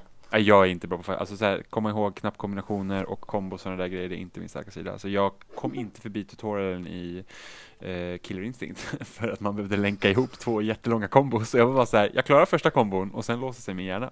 Jösses. Ja, det, det, det går inte. Det är liksom, jag är inte kapabel till det. Jag tror att jag har spelat Batman Arkham Asylum fem gånger. Spelat Arkham City minst tre gånger. Och sen så har jag spelat Origins en gång och Night en gång. Det kommer så himla mycket nya spel hela tiden så jag känner att jag inte har tid att spela om Ja. Jag skulle ju typ vilja spela om Witcher 3. Jag skulle vilja spela om Witcher, jag skulle vilja spela Witcher 1, Witcher 2 och Witcher 3 i rad och det är så här bara att det är mitt liv nu. Men det går jag vill ju spela om The Witcher 3 från början. mm. Eh, och eh, faktiskt få uppleva det hela vägen i och med att det fick ett rätt så abrupt slut. Och det är ett spel som är så otroligt stort att jag känner att de 55 timmarna, eller vad det nu är, som jag spelade det. Det känns lite uppförsbacke att veta att det där behöver jag spela om igen. Så jag tror att jag behöver lite tid att faktiskt ladda om för att börja spela det från början igen. Ta semestern i sommar. Ja, nej men det skulle jag absolut kunna göra. I alla fall börja då om inte annat. Mm. När man väl har kommit in i det så känns det ju som att det flyter på ganska så väl. mm, min chef skulle börja spela Witcher 3 idag. Oj, Och vad han, kul! han köpte det typ för så en och en halv månad sedan och bara så här, ah, han bara, du som kan det här med spel, vilket spel ska jag köpa? Alltså jag gillar typ Far Cry. Och jag bara, ja alltså jag går ju typ för så här, Assassin's Creed Odyssey ganska likt. Eh, och lite sånt där. Men sen har han blivit rekommenderad Witcher 3 av en annan. Och jag rekommenderade ju inte Witcher 3 av den anledningen till att det kommer ta alldeles för lång tid. För det tog ju typ honom så här ett och ett halvt år att köra ut Destiny 2. den kampanjen är jättekort. Ja, men han ville väl ha ett långt spel? Jo, men alltså för, för honom är alla spel långa. Eh, Okej. Så att, men nu ska han spela Witcher 3 och sen har han, det har varit så en följetong på jobbet för det har typ varit så här att ja, han bara ja idag så öppnar jag plasten. och bara vad bra så här och sen så bara typ, har du installerat spelet då? Men nej, det kanske man skulle göra. Jag bara, jag gör det innan du ska spela för du kommer säkert behöva uppdatera en massa grejer för att du inte har startat din maskin på länge. Han bara, nej det skulle vara smart. Vilken maskin spelar han på? Xbox One. Mhm. Det förvånar till och med mig eftersom det är typ ingen som har en Xbox. typ jag. Eh, Jag har en. Ja, du har den. Men alltså det är så här att om någon, om någon så här som spelar som kanske inte riktigt så här typ att jag spelar verkligen, de har en PS4 för att det är liksom the hot shit. Eh, kanske en Wii som ligger i drömmen någonstans. Eh, Däremot så var det tvärtom tror jag förra generationen. Jag tyckte hela tiden att jag hörde folk som liksom bara såhär Åh en Xbox, har du en Xbox? Men nej jag har ingen jävla Xbox, jag har en PS3. nu sålde ju PS3 mer än Xbox 360 i slutändan ändå, men, Ja. eh, men det var liksom typ recensionsexemplar och allting sånt kom ju typ till 360 för att det var lätt, alltså de versionerna var bättre optimerade för PS3 hade så svår arkitektur. Eh, den här generationen är det ju inte riktigt så, utan PS4 är ju precis som Xboxen baseras ju på eh, till, eh, ja vad det nu heter, som jag inte kommer ihåg, eh, som gör att de blir liksom mer som som traditionella PCs, vilket gör att det är lättare att utveckla till dem och liksom porta över. Mm. Eh, och sen tror jag det problemet med Xbox One från början var ju det att de begränsar ju typ minne och sånt till Kinecten, så det, det var lite svårare. Och sen har ju PS4 den har blivit störst, då är det ju lättast att ge recensionskod och sånt till just den. Så att Ja. det är så det har blivit. Eh, så att nu är, så att, ja, precis. Det är typ det är typ jag och sen typ folk i min umgängeskrets som sitter och så här hårdkör på Xbox One och det är nog mitt fel till stor del så att jag har pushat det. In, du har liksom så här eh, indoktrinerat dem. Nej men det var ju typ, alltså vi alla satt ju på 360 och sen så var det ju, det kändes ju självklart, självklart kommer vi köpa en Xbox One när den kommer. Det var ju liksom Mm. snack om saken. Eh, och sen så, typ, Microsoft tänkte så här, ja ah, det vore synd om det gick bra för vår maskin så vi gör massa dåliga grejer innan release. Så det var ju så att vi, ingen av oss planerar att köpa en Xbox. Jag var så här, men jag köper en Xbox om de ändrar sig liksom, så att de inte fixar de här dåliga grejerna de ska göra. Eh, och det gjorde de. Och så, så tänkte jag, men då köper jag en Xbox. Men det var att Xboxen kom inte ut i Sverige vid launch. Det var ju bara PS4 som släpptes. Ja, Xboxen kom ju typ, vad var det, det var planerat att komma i 13 länder först och sen så begränsades den listan ytterligare och Sverige var inte ett av dem. Så jag importerar ju min Xbox några månader efter. Ja. Eh, så att båda konsolerna släpptes i november 2013. Jag tror att jag köpte min Xbox i typ antingen i slutet av januari eller början av februari 2014. Eh, och Xboxen släpptes officiellt i Sverige i september 2014. Jag skulle precis säga det, att jag för mig att det var på hösten någon gång där. Mm. Så, att, så att, alltså de sköt ju sig riktigt ordentligt i foten helt och hållet. Eh, Ja. Och anledningen var ju så att nej men de vill lokalisera Kinecten liksom till fler länder. Vilket de heller inte gjorde. Så att, eh, det var ju liksom skit. Men det var ju redan skit med första Kinecten för att jag var ju skitpeppad på första Kinect. För att det var så att, oh wow, nice med liksom så här, kunna styra maskinen med rösten och sådana här grejer. Eh, och sen så funkade inte röststyrningen i Sverige. För att de inte hade svensk röst liksom. Eh, Nej, men nej. Och det var så här, men alltså låt mig köra på engelska om jag vill, men nej, det fick man inte göra. Eh, så det var ju lite weird. Vad märkligt. För det kan jag sakna ibland med Xbox One, för att det var skitenkelt att bara säga så här, Xbox Go To och så sa man speltiteln och så gick den dit. För att jag har typ så här 200 spel installerade på min Xbox, bara för att jag avinstallerar ingenting. Eh, så att ibland är det så här typ att, åh jag ska spela någonting på typ W, man bara, mm, måste bläddra igenom hela listan. Förut var det bara så här, för förut var det verkligen bara så här, Xbox Go To Wolfenstein eller vad som helst. Och så gick det, och det funkade 99% av gångerna. Så det var ju väldigt smidigt. Sen så började min Kinect kajka ur. Den liksom tappade connectionen till Xboxen hela tiden. Eh, Okej. så att jag antar att den liksom bara blev fel. Vilket är jättesynd för att det går typ inte att spela Dance Central längre. Men eh, den, den, den, den funkar inte längre tror jag. Eh, och sen så när Xbox One X kom ut så har ju inte ens den en port för Kinecten längre. Utan man måste ha en dongel som de slutade tillverka ganska snabbt. Så att ja, jag kan inte använda min Kinect. Okej. Så det var en väldigt lång, lång utläggning om Microsofts kamera, men visst. Din nästa position på... Är det här Din nummer lista, eller? fyra? Ja, det är ju liksom inte en numrerad lista utan det Nej. är liksom en punktlista. Ja, ja men bara, alltså precis, saker. men det här är fjärde punkten. Jo, jag förklarade liksom mer för eh, ja, precis. alla kära lyssnare där ute som Oh, inte har sett listan. Kul. eh, nu ska vi se, min nästa grej.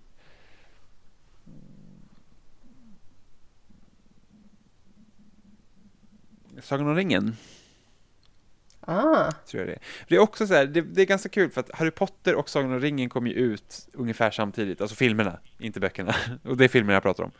Eh, för att det var ju liksom så här typ, ja men runt höst, jul där eh, 2001.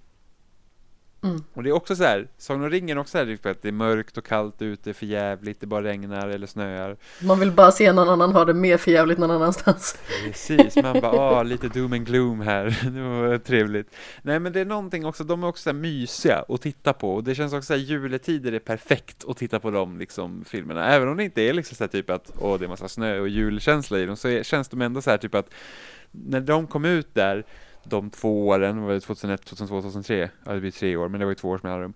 Eh, så då, då var det verkligen så att, ja men när det är juletider då är det Sagan om ringen time liksom. Ungefär som det har varit med Star Wars nu de senare åren. Liksom också att Ja. var, till varje jul, ja, förutom Han Solo-filmen då, men den, Men den den räknas inte. Nej, men precis. Eh, så då är det så att, ja men nu, nu är det juletider och nu tittar vi på Sagan om ringen. Eh, så att det är också så en känsla jag får att, åh men gud, nu är det jul, nu ska jag verkligen vilja ha så ett Sagan om ringen maraton, fuck yeah, låt oss titta på nio timmar film i ett streck. Eh, så att eh, ja, det tycker jag verkligen hör liksom julen till också. Speciellt alltså, när man lyssnar på, typ på musiken och sådana grejer. Liksom man bara så här, oh, hör typ Shire-temat så här. Det, det liksom man bara så här, mm, det är mys helt enkelt. Ja, alltså det är väldigt roligt att du faktiskt nämner Sagan om ringen för att eh, vi har en fråga sedan som rör liksom vilka filmer och serier som man gärna ser typ i anslutning till julen och eh, Sagan om ringen-trilogin är faktiskt en, en sån som jag hade tänkt att nämna då också. Det är någonting med eh, liksom julen som får en att bara vilja så här, eh, sätta sig ner och verkligen plöja igenom de filmerna. Ja, men lite så här bara försvinna bort liksom i en annan värld. Ja, det är fantastiskt bra. Mm. Vilken film tycker du är bäst av de tre? Eh, Konungens återkomst. Sagan om två tornen. Mm, den är också bra. Jag, jag vet inte alltså nu, Alla nu... tre är jättebra filmer. Ja, men jag, tycker jag, jag tycker att verkligen. eh, tvåan är bäst.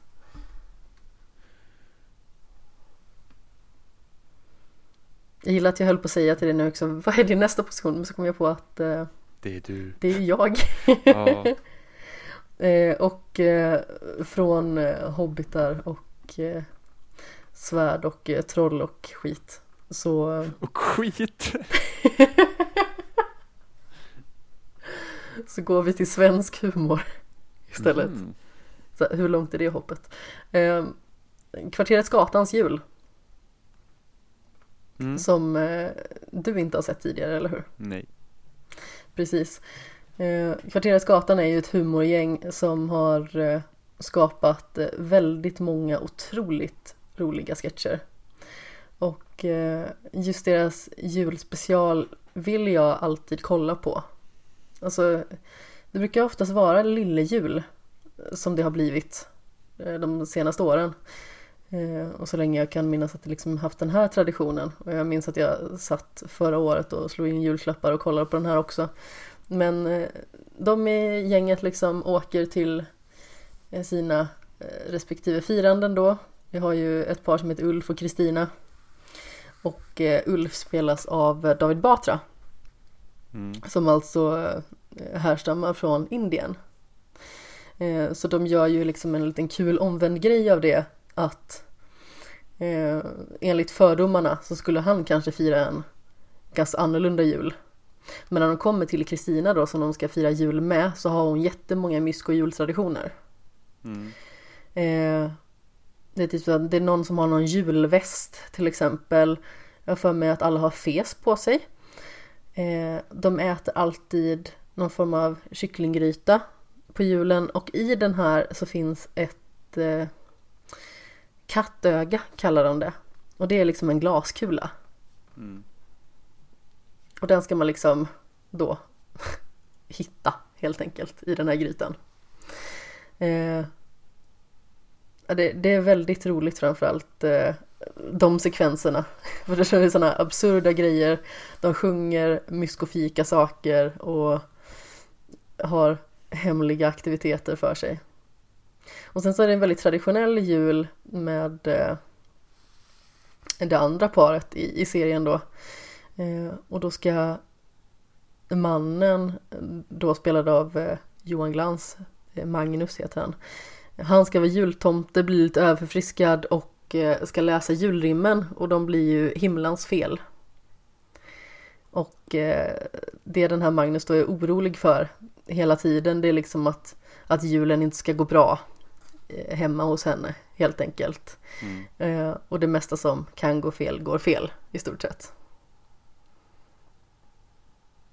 Så det är faktiskt eh, otroligt roligt. Mm. Din sista på listan? Disney. Okej. Oj, vad skeptisk du lät. Nej, nej. Okej. Eh, Noterat. jag är absolut inte skeptisk på något vis. Jag älskar ju Disney. Mm, jag, eh, nej men jag, jag känner bara så här typ att vi har gått igenom så här väldigt mycket så här mys bara. Och det, det, alltså, det känns aldrig som att det är fel att typ titta på en Disney-film. Eh, när det är jultider. Och, och typ jag vet att det finns en Men så här, Musse Pigg och hans vänner firar jul, det är någon eh, som jag hade på VHS när jag var liten. Eh, och det är så här typ, vad är det, fyra kortfilmer liksom. Som är, som är tagna därifrån. Eh, också väldigt liksom bra julig, alltså juliga historier som är typ disneyfierade. Så det är typ så här, eh, gud, en julsaga har de gjort om eh, till exempel i den också. Mm. Eh, så att, och det är liksom så här typ att, ja men nu har jag firat någon jul som jag liksom firar helt själv så här och då har det varit ganska skönt att liksom bara säga att ja men jag, jag ser på en Disney-film liksom innan jag ska käka och grejer. Så då är det, det, det är liksom bara, gud så himla trevligt. Men det är trevligt med Disney. Mm. Eh, härom natten så hade jag ett litet missöde med eh, jag skulle baka till jobbet helt enkelt. Jag har bakat de här grejerna 71 miljoner gånger förut. Eh, ställde dem på spisen en liten stund, satte mig och tecknade och så slog jag på Pocahontas. Och sedan så ställde jag in de här, eh, det är en form av chokladkola liksom. In i kylen och gjorde förmodligen det lite för tidigt. Så de var stenhårda och hade fastnat i foliet. Mm. Eh, så det haveriet fick ligga kvar fram tills jag kom hem där och det blev ingen fika på jobbet. Jag tänkte jag får bjuda dem efter jul istället. Det var liksom som typ en så här trevlig fika eh, för att fira i stort sett att projektet snart är klart. För jag började med det här analysprojektet då i april förra året. Mm. Och sedan så har jag ju haft ett halvår där jag jobbade väldigt intensivt på leverantörsreskontra. Mm. Det vill säga med fakturor och sånt. Och sen så var det några månader till där jag hjälpte till ytterligare eh, på det. Så analysen har fallit lite i skymundan. Men det känns fantastiskt kul att hela liksom, grundprojektet är slut. Så då tänkte jag att det var kul i och med att inte jag är i eh, Göteborg på huvudkontoret lika mycket längre. I och med att jag fått börja jobba tre dagar i veckan i Alingsås och ha ett eget kontor där. Eh, så kändes det som att det kunde vara en trevlig sak att göra. Att bjuda kollegorna på lite fika. Jag hoppas inte att de kom ihåg att jag skulle göra det. Jag får göra det efter jul. Mm. Men eh, ja, Disney-filmer i allmänhet känns väldigt trevligt. Ja, verkligen. Precis som du sa. Att liksom slå på, antingen om man känner att man behöver lite tröst kan jag tycka. Man känner att man får liksom vara sårbar så som man var när man var barn på något vis. Det är okej att vara ledsen. Det är liksom okej att bara riva ner alla murar. Och sådär. Eh, och jag är ju verkligen sån att eh, jag skäms inte direkt för att jag går tillbaka och ser på liksom barnfavoriter, typ Mumin. Typ eh, mina Disney-favoriter. Jag har ju framförallt tre stycken favoriter som jag gärna ser när jag eh, känner att jag vill se något i Disney-väg. Och då är det ju min favorit som är Ringaren Notre Dame. Sen eh, tidigare nämnda Taren och den magiska kitteln. Och sedan även Mulan. Mm. Har du några som du liksom verkligen så här, ja ah, men de här vill jag speciellt se när jag vill se en Disney-film? Skönheten och odjuret. Ja. Aladdin. Och Kejsarens nya stil. Kejsarens nya stil alltså. Den är så rolig. Jag älskar den filmen. Alltså bara det typ att alltså, bara introt till den filmen när han sitter ute i regnet och så bara "Ah, mi, mi, mi, mi, mi, mi, mi, mi." Det tycker jag är så himla roligt. Jag kanske är så jättebarnslig nu men alltså, jag tycker det är så kul. Det är okej sen typ- att vara barnslig. det, det är en så rolig spin på hela den liksom sagan Just det liksom att han är såhär asdryg och så blir han lama och så, så är det typ en roadtrip buddy movie liksom. Och sen är häxan och Kronk som är så dum. Alltså, ja gud jag älskar den. Och speciellt i slutet sen när hon blir förvandlad till katt och hon bara typ såhär skrattar skit elakt och så, så söt liten typ liksom kattunge och så bara är det här min röst? Är det här min röst? Nåväl! Och sen blir hon skitarg. Nej, jag, jag tycker den är helt fantastisk den filmen. Jag vet att det är typ många anser typ att eh, efter typ Hercules någon gång så börjar Disney liksom gå ner sig, även om jag anser liksom att kogänget är ju liksom dödsstöten för Disney animation liksom. Eh, Alltså, jag har inte sett kogänget. Faktiskt. Men jag har typ sett de filmerna som kom efter Kogänget. För jag säga, Kogänget var typ den sista tecknade filmen de gjorde innan Prinsessan och Grodan. Och det var såhär, åh det här gick ju inte bra så nu ska vi hoppa över till 3D istället. Och så gjorde de Lilla Kycklingen som är vedervärdig, Familjen Robinson som är vedervärdig, eh, Djurliv eller vad det Solliv eller vad fan det hette, vilket är en vedervärdig. Så det var liksom bara dålig film på dålig film på dålig film fram tills, ja Prinsessan och Grodan var väl helt okej. Okay mycket för att den också var tecknad och sen så kom ju Trassel och Trassel är väl liksom Disney när de liksom har börjat bli bra igen. Eh, jag skulle ju fortfarande önska att de gjorde tecknad film och inte datoranimerat. Eller ja, nu animerar man ju alltid dator, men 3D-animerat ska vi säga. För att jag tycker att världarna som de skapar i 3D-animering känns mycket mer döda. Liksom man tittar typ på Trassel så är det liksom att okej, okay, du har det här tornet och en liten stad, så resten är liksom, vad, vad, vad mer? Liksom, det, det känns liksom som att det känns som att det är så himla isolerat, samma sak med Frozen, mm. även om jag tycker Frozen är väldigt bra. Den är eh, jättebra. Så är det liksom, det är inte samma. Såg den i år, första gången. Jaså? Jag, jag har bara sett den en gång i och för sig. Eh, men den är, den är väldigt bra. Eh, men, men just det här att jag vet inte, de får inte samma liv i 3D-animationen som det var i de tecknade filmerna när man tittar från förr. Och eh, de har ju ändå, det var ju någon Disney-animatör som vann, undrar om inte han fick Oscar för bästa så här, animerad kortfilm. Paper hette den. Så den är ju liksom 3D-animerad men han har liksom skapat ett filter som gör att det ser ut som det är handritat. Ja. Så himla snyggt och då fanns det liksom en förhoppning för mig här liksom att åh vad bra, då kanske de liksom gör sådana filmer men nej. Så, mm. Typiskt. Jag vet att det kommer vi någonsin få, alltså det, det, är ändå skönt med typ anime och sånt att det fortfarande känns handritat. Men även ja. där har man ju börjat gå över mer också till dator Mm. Alltså till som 3D-miljöer. Så typ att, och det värsta är ju de typ anime-filmerna eller serierna som ser ut som tv-spel. För att det känns så himla fel. Ja, alltså det man, är absolut. Man bara tittar på det där ser ut som en cutscene i ett spel som inte är speciellt bra gjort. Men det när vi pratade om liksom eh, själva världarna i sig. Jag reflekterar faktiskt över det när jag såg Pocahontas häromdagen. För jag kommer inte ihåg, komma ihåg när jag såg den senast och det var jättelänge sedan. Fasen vad snygg den är alltså. Ja, otroligt. Den är fruktansvärt fin. Mm. Alltså alla miljöer är ju supervackra. Ja, och det blir verkligen så smärtsamt uppenbart när man tittar på Lejonkungen som släpptes i år, den här 3D-animerade filmen. Ja. Och det var verkligen så här att, alltså de har gjort exakt samma film, det är Lejonkungen, visst, det är fine, men liksom det är ju inget spektakel längre, liksom så typ att man, när, när Simba sjunger sin låt, att det, när han vill bli kung, liksom man hoppar liksom på giraffen och så är det bara, så här, bara explosion av olika färger och liksom sådär. Och så tittar mm. man på den nya filmen och typ, ja, han går under en giraff och man bara, ja, spännande. Det är nästan som man hör typ David Attenborough så här, sitta i bakgrunden och säga här ser vi lejon typ i sitt naturliga habitat. Typ. Ja, nej, så det är liksom så här typ, nej, verkligen eh, liksom, det känns som att, alltså även om du ska göra som en verklighetsbaserad film, liksom sätt lite flair till den också. Alltså det går ja. ju att göra 3D-film som, som liksom ser helt fantastiskt och Pixar är ju skitbra på det. Alltså det är, jag kan inte säga att när man tittar på Toy Story att den världen känns död. Eh, eller titta typ på en film som eh, Into the Spider-Verse. Oh, så det behöver inte, behöver inte göra att dina 3D-filmer liksom, ser likadana ut. Disney har ju en viss stil och så, så ser de typ likadana ut när det är 3D-animation. Eh, men, men liksom Into the Spider-Verse, det är typ en av de snyggaste animerade, alltså 3D-animerade filmerna man har sett. Så de att, liksom, väldigt mycket sånt hade ju varit liksom skitkul om man hade kunnat liksom satsa mer på för att det ser så otroligt, otroligt snyggt ut. Ja. Jag blir så sugen i allmänhet på att kolla på tecknade filmer just nu. Eh, jag har en förkärlek för Det magiska svärdet, slaget om Camelot bland annat.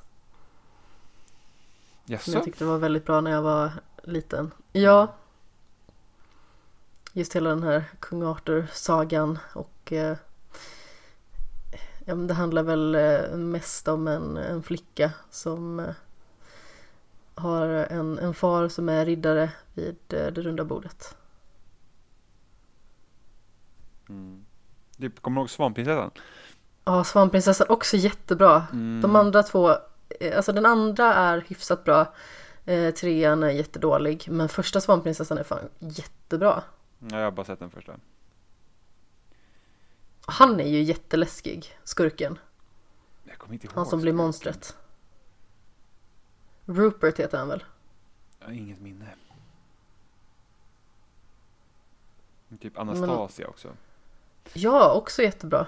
Åh, kommer du ihåg Prinsen av Egypten? Ja, Också jag gillar det också. Mm. Det finns väldigt många bra alltså, tecknade filmer i allmänhet så som man känner att man gärna har gått tillbaka till. Kanske Mm. finns lite för lite tid. Å andra sidan så kändes inte Pocahontas häromdagen som att den var speciellt lång. Nej, men så de tidigare Disney-filmerna var ju typ en timme och 20. Det är ganska vanligt. Ja, Och Bernhard och Bianca, också jättebra. Kan jag få att tänka nu, det är inte så ofta man hör att folk säger Bernhard och Bianca, men det är det också. Och där har du också sett typ att, som jag, som jag sa tidigare med så här julbyarna, att du har något liksom, du får se ett litet perspektiv, så det är de här liksom mössen. ja, Och så typ, eh, åh, Basil Mus är ju också liksom jättekul. absolut. Det var jättelänge sedan. det var jättelänge sedan jag såg den, den måste jag se. Eh, Disney-filmerna finns ju på HBO nu och de lär väl göra det tills att Disney Plus kommer till Är Sverige. det alla, är alla Disney-filmer? Mm, jag tror att Eller är det är de flesta om inte annat. Ja, jag har alla på min dator. Fram till Nämen. Röja Ralf. Som inte var bra. Jag har inte sett det Ralf. Nej, men någon gång ska jag väl liksom titta på alla Disney-filmer, alla 50 liksom. Eller ja, alla Disney-klassiker, inte alla Disney-filmer, herregud. Men alla Disney-klassiker, man går igenom allihopa. Från Ja. början till slut. Jag har inte sett alla. Jag, är typ inte, jag har inte sett Fantasia, som jag alltid vill se. Den har jag inte heller sett tror jag. Och Det har jag det? Sen Jo, det, har jag nog, men jag minns den nog men inte. det finns Jag massa har för mig att den fanns på gymmet eh, när jag var, var liten och man liksom fick vara i det här barnrummet typ. Mm. Och jag för mig att de hade den på VHS. Men det finns massa så skumma Disney-filmer, speciellt i början. Man säger bara, jag har aldrig hört det här liksom. Ja. Jag har en punkt till Mm. eh, på min lista. Och det är ju lite inne på det här tecknade spåret i och med att eh, det är Studio Ghibli som har ett finger med i spelet. Och eh, det är när man kommer till jul i Nino Kuni Wrath of the White Witch. För det är ju liksom som en liten vinterby i Mm. spelet. Och den kom jag till i juletid och satt och spelade där. Mm. Och det var så himla fint. Alltså som sagt, resten av spelet är ju jättevackert som det är. Men just jul, det var någonting speciellt med det. Det är liksom så här lite norrsken, allting är liksom så byggt i iglos, det är snö och is. Sen så finns det någonting som heter The Glittering Grotto. Som ligger precis bredvid och det var jättesvåra fiender och det var jobbigt men allting var jättefint ändå. Mm. Så. Sen så tycker jag ju att Nino Kuni, det första spelet, det är ett riktigt fantastiskt spel. Visst, det är svårt, men eh, jag håller det väldigt högt. Det ska komma en Nino Kuni-film till Netflix i januari tror jag. Ja, För den är ju verkligen, alltså jag tycker också första spelet är, är, är bra. Speciellt tycker jag det är intressant den här hela grejen med att, alltså visst hade du klarat ut Nino Kuni? absolut. Ja. Det tog mig 85 timmar, men jag klarade det. Fan, det är skitlångt. Eh, men en sak som jag också tycker är tråkigt i japanska sp- liksom spel när det kommer till liksom att ha någon så underliggande mening är att de blir väldigt tydliga i slutet så att det är liksom så här att åh det här du trodde, nej det är så här det är och nu ska vi verkligen visa hur det är också. Mm. Eh, och jag såg ju alltid Nino Kuni liksom att hela den här fantasivärlden var ju ett sätt för honom att, alltså Oliver huvudpersonen då, att liksom hantera hans, att hans mamma hade dött. Ja, men precis. Eh, och det var därför liksom typ så här att, ja men skurken är ju liksom hans mamma, om jag minns rätt, i mångt. Nej, Jo men är inte hon eh, häxan ett tag och sen blir hon typ Var det inte någon sån koppling? nej, hon är väl den liksom en skyddande Jo, men- faktor. Var, var det inte så, var det inte först i början, var, hade inte hon någonting så att hon var typ ond och sen så händer någonting grejer så får man veta vad hon verkligen är och sen så blir det bra och sen så är det nästa liksom boss. Nej, jag kommer inte ihåg. Men i alla fall. Så då tänker man liksom att det är ett sätt för honom, ja, då att copa med hans mammas död och sen så Ja. visar det sig att nej, den här världen existerar på riktigt och eh, så här ligger det till och han är någon så här descendent av den här världen och bla bla. Och man måste bara, men nej but why? Varför måste det vara så här? Kunde det liksom inte bara vara liksom mer, lite mer diffust? Och det är samma sak i Catherine. Det är också något så här, man tänker så bara, ja ah, men eh, huvudpersonen tror han heter Vincent. Han liksom varit typ otrogen mot sin tjej och sen så vaknar han upp på nätterna och har så här mardrömsscenarier, de här liksom långa pusslerna och man liksom tänker, wow, här är ju massa liksom allegorier för olika grejer och metaforer och skit. Och sen så i slutet visar det sig ändå liksom så här typ att nej, men det är djävulen som gör det här på riktigt och typ hatar alla män som ska få, som gör att de typ blir otrogna och grejer och man säger men alltså nej, måste det, vad, vad håller ni på med? Så det, ja, det låter ju lite ostigt faktiskt. Ja, men, men liksom just jobbigt. i Nino Kuni har jag inga problem med att det liksom är en värld där den andra världen, alltså som heter Nino Kuni, eh, att det är liksom parallella versioner av de personerna som finns i inom citationstecken den verkliga världen. Alltså jag hade ju hellre sett att allt utspelar sig i hans huvud. Alltså visst, det kanske är bra men jag har inget emot det. För att sen ska allt förklaras liksom så här ligger till. Man bara nej. Det här var vår resa som vi gick igenom tillsammans. Jag tycker problemet är att eh, bossfighterna är så förbannat svåra. Uh, ditt system överlag tycker jag är väldigt tråkigt eftersom det var så att oh, här är dina typ Pokémon du kan fånga som inte gör ett jävla skit under bosstiden som man springer bara runt och viftar på den jävla staden. Ja. Anledningen till att spelet tog så otroligt lång tid för mig det var ju att jag fick grinda sönder och samman. Mm. Men det är ju ofta så i de spelen. Så jag tror, alltså, när jag spelar Final Fantasy 13, jag brukar spela det varje sommar så här, För då bara det så här, oh, jag, det kommer inga andra spel, eller på den tiden det inte kom spel jämt. Eh, så satt man på sommaren och så grindade man några timmar för att komma vidare. Eh, men sen så kom man ju upp på det. Och typ Xenoblade Chronicles var också sånt spel. Typ, jag tror det tog mig 80 timmar att klara det spelet. Wow. Eh, och då krävdes liksom flera timmar av grind också innan stora bossar. Men det är bara för att jag gjorde typ ingen sidequest. För att ofta i, i sådana stora JRPG'n, alltså bara att ta sig igenom storyn brukar ju vara liksom 40-50 timmar. Ja, och då känner jag så att då behöver man inte göra sidouppdragen. För att jag, ofta, jag spelar inte de spelen för striderna, jag spelar dem för storyn. Även om storyn inte alltid är bra, men det är liksom så att det är det myset jag vill ha. Eh, mm. Så Absolut. att eh, så att jag gör inga sidouppdrag vilket gör att man typ konstant underlevlad. Så då får man liksom, det, det, det är lite jobbigt, jag har det problemet ofta i så spel, RPG överlag, för att jag, jag är väldigt effektiv när jag spelar och jag, ehm, så att jag eh, försöker ju vara så effektiv och cutting corners där jag kan, vilket brukar bita mig i arslet till slut. Men det är så Jag är exceptionellt eh, långsam när jag spelar. Ja, men jag, är, jag är snabb i jag är ofta snabb och effektiv i allt jag gör. Men det, jag är uppvuxen med att man måste vara snabb och effektiv. Så det, det har liksom förts över till mig till saker som jag håller på med. Det, liksom, det, det, det ska gå undan, annars får det vara typ. Jag är snabb och effektiv, framförallt när det gäller jobb och sådant. Eh, när det gäller saker som man ska vara väldigt noggrann i så tar jag gärna min tid. Eh, spelar jag ganska så långsam i, i allmänhet. Eh, men ta typ sådär Fire Emblem Three Houses till exempel som släpptes i slutet av juli. Nu senast. Jag spelade klart det i söndags. Mm. Det vill alltså säga att det har tagit mig nästan fem månader att spela igenom det spelet. Eh, just för att jag spelade på min switch och eh, jag har spelat det liksom mest när jag typ har antingen eh, pendlat eller när jag åkt till Flemingsberg eller därifrån och så vidare. Så eh, det har liksom blivit men, några timmar här, några timmar där, några timmar kanske när jag kollar på någon serie samtidigt. Och så slutade jag på 62 timmar. Mm. Men jag gjorde ganska så mycket i det spelet också. Mm. Jag ville ju liksom spela alla strider, precis alla, som man kunde. Jag tröttnar ju fort. Om jag det gör inte jag. Jag tycker striderna är de är så himla bra i Fire Emblem. Och just i och med att det finns lite mer i det senaste spelet som gör att man, man vill liksom inte alltid bara klicka förbi alla cutscenes. Utan det känns som att det finns lite mer djup och det finns ett liksom intressant miljö att befinna sig i. Så då blir det en helt annan grej. Mm. Men vad säger du, ska vi gå vidare? Eh, för vi fick ju fler frågor av Martin också. Mm. Så jag tänkte att eh, vi ska ta dem. Och det är eh, favoritminne från julen som är spelrelaterat. Ska jag börja? Ja, det var min tanke. Ja, okay. eh, återigen Mario Kart Double Dash. Ja.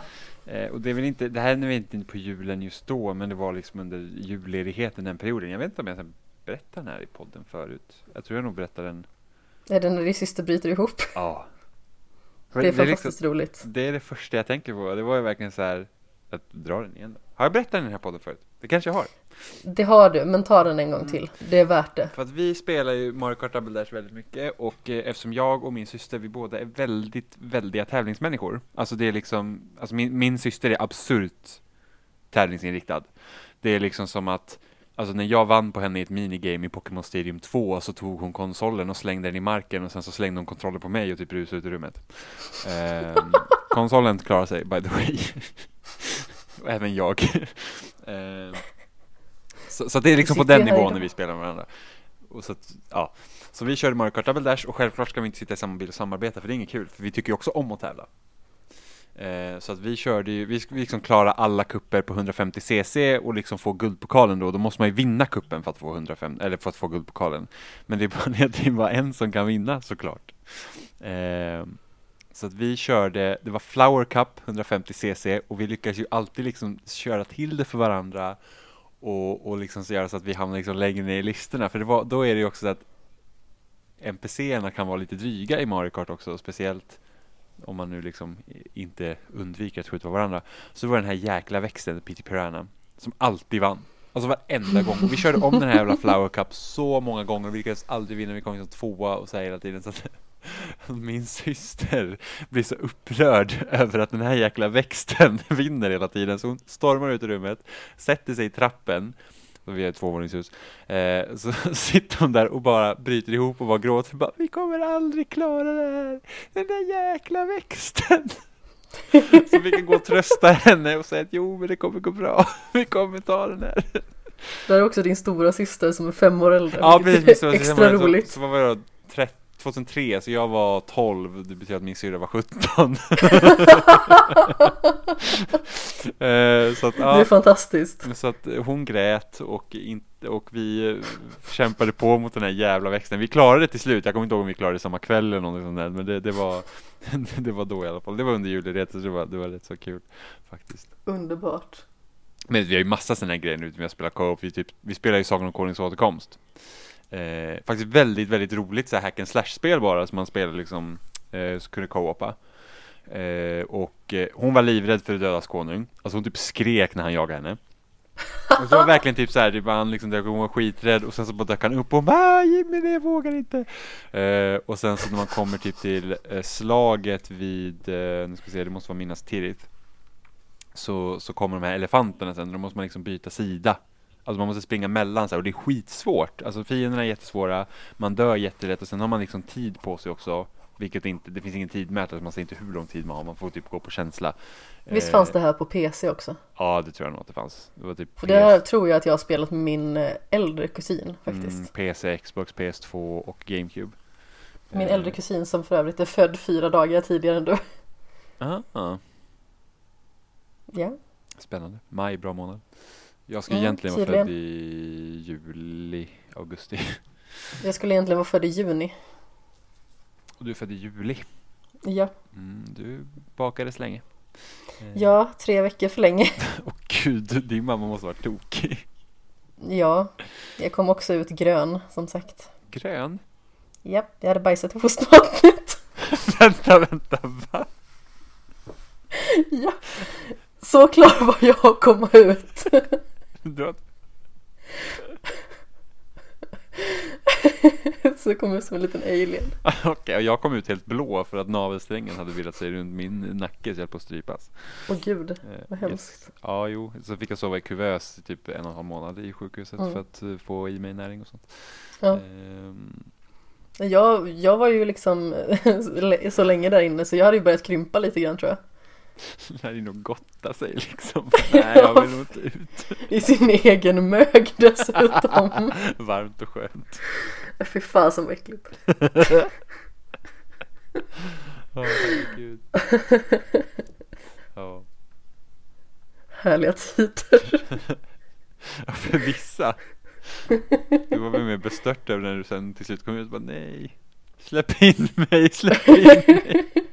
ja, men lite typ som eh, Sasu i Lejonkungen. Ja. Nej. Ja, är det Sasu eller är Jo, det är Timon? han som flyger in i buren igen. Ja. Släpp ut mig, släpp ut mig, släpp in mig, släpp in mig. Ja. Ja, herregud. eh, favoritminne ska jag försöka komma ihåg också. Eh, jag vet inte. Det ska vara spelrelaterat som sagt.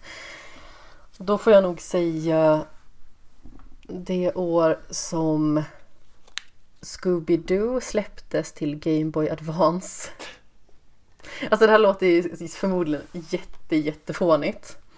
Eh, men det var ju så här att när jag var liten så eh, jag hade väldigt många favoriter. Scooby-Doo var en sån bland annat.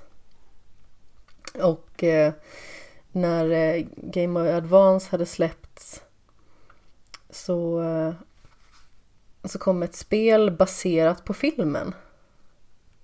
Alltså den med, den, alltså den otecknade eller? Mm, ja men precis, det stämmer. Och eh, eh, då i alla fall så eh, kommer jag ihåg att jag öppnade en av mina julklappar. Vi var, var hos mina kusiner i Ronneby. Ronnebyhamn för att vara mer exakt. Och jag öppnade ett paket och där i ligger ju det här spelet.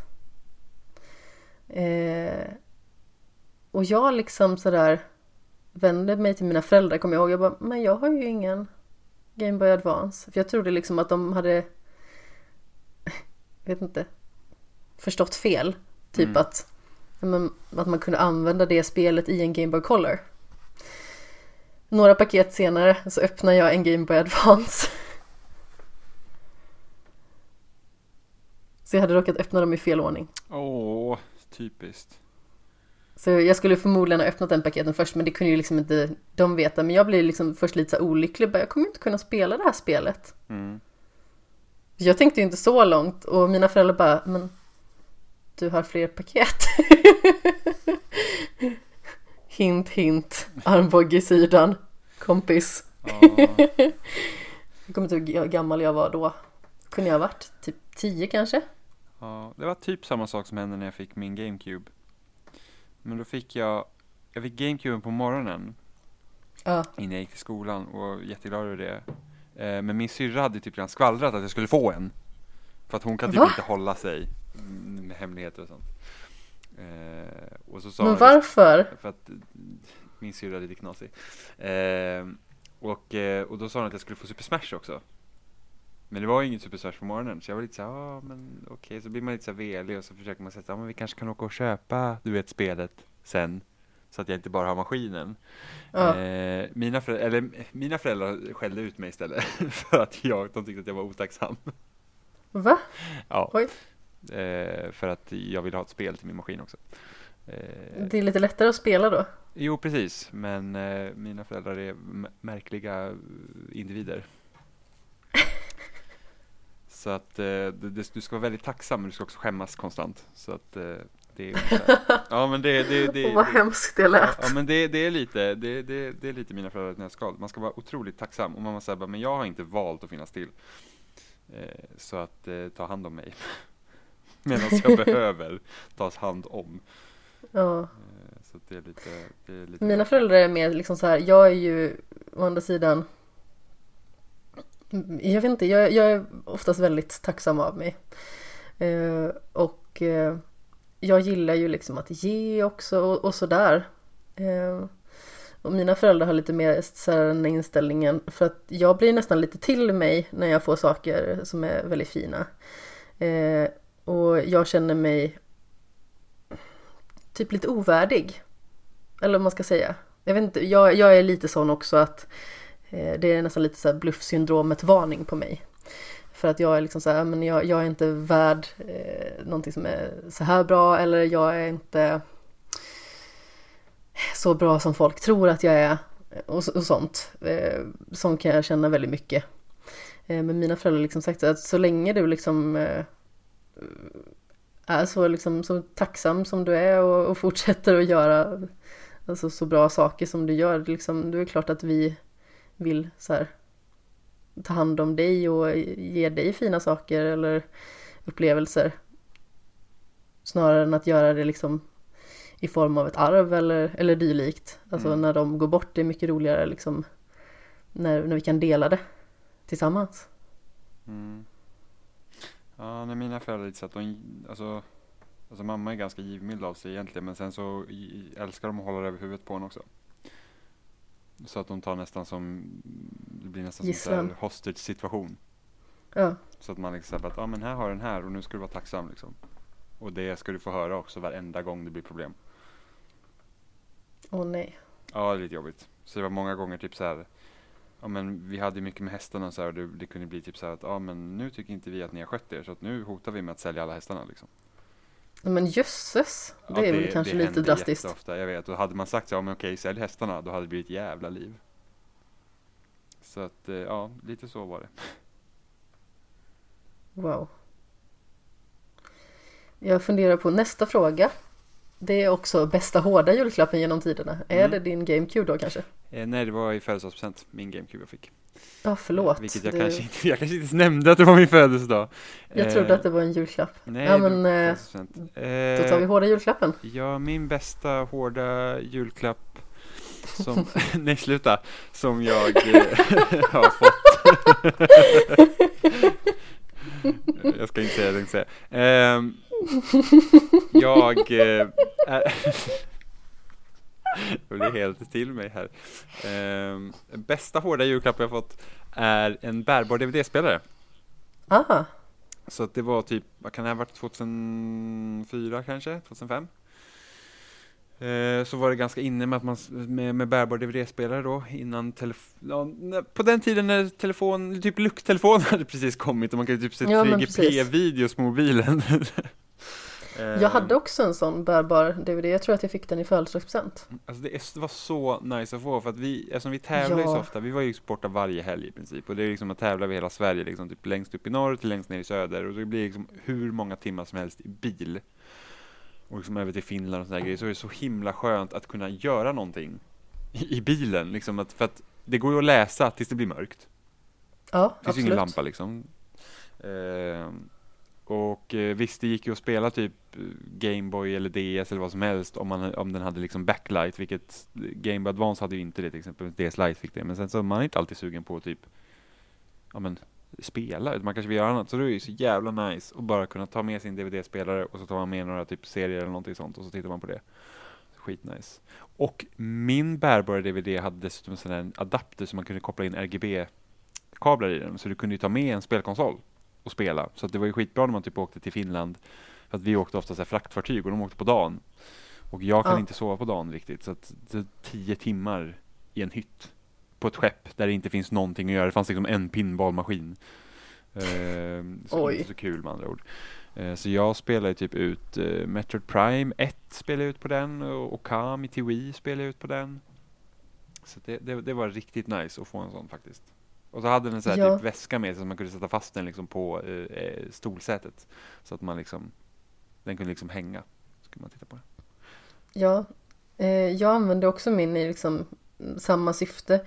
Jag vet inte riktigt om den fortfarande var relevant när jag tävlade som mest. Jag tror inte det. För när jag började tävla som mest och liksom åkte Sverige runt då var jag 15. Eh, Så då tror jag att jag hade med dator istället potentiellt. Eller att jag fick låna pappas dator. Men eh, jag kommer ihåg typ så här. Vi bilade ju ner till Italien eh, en gång om året.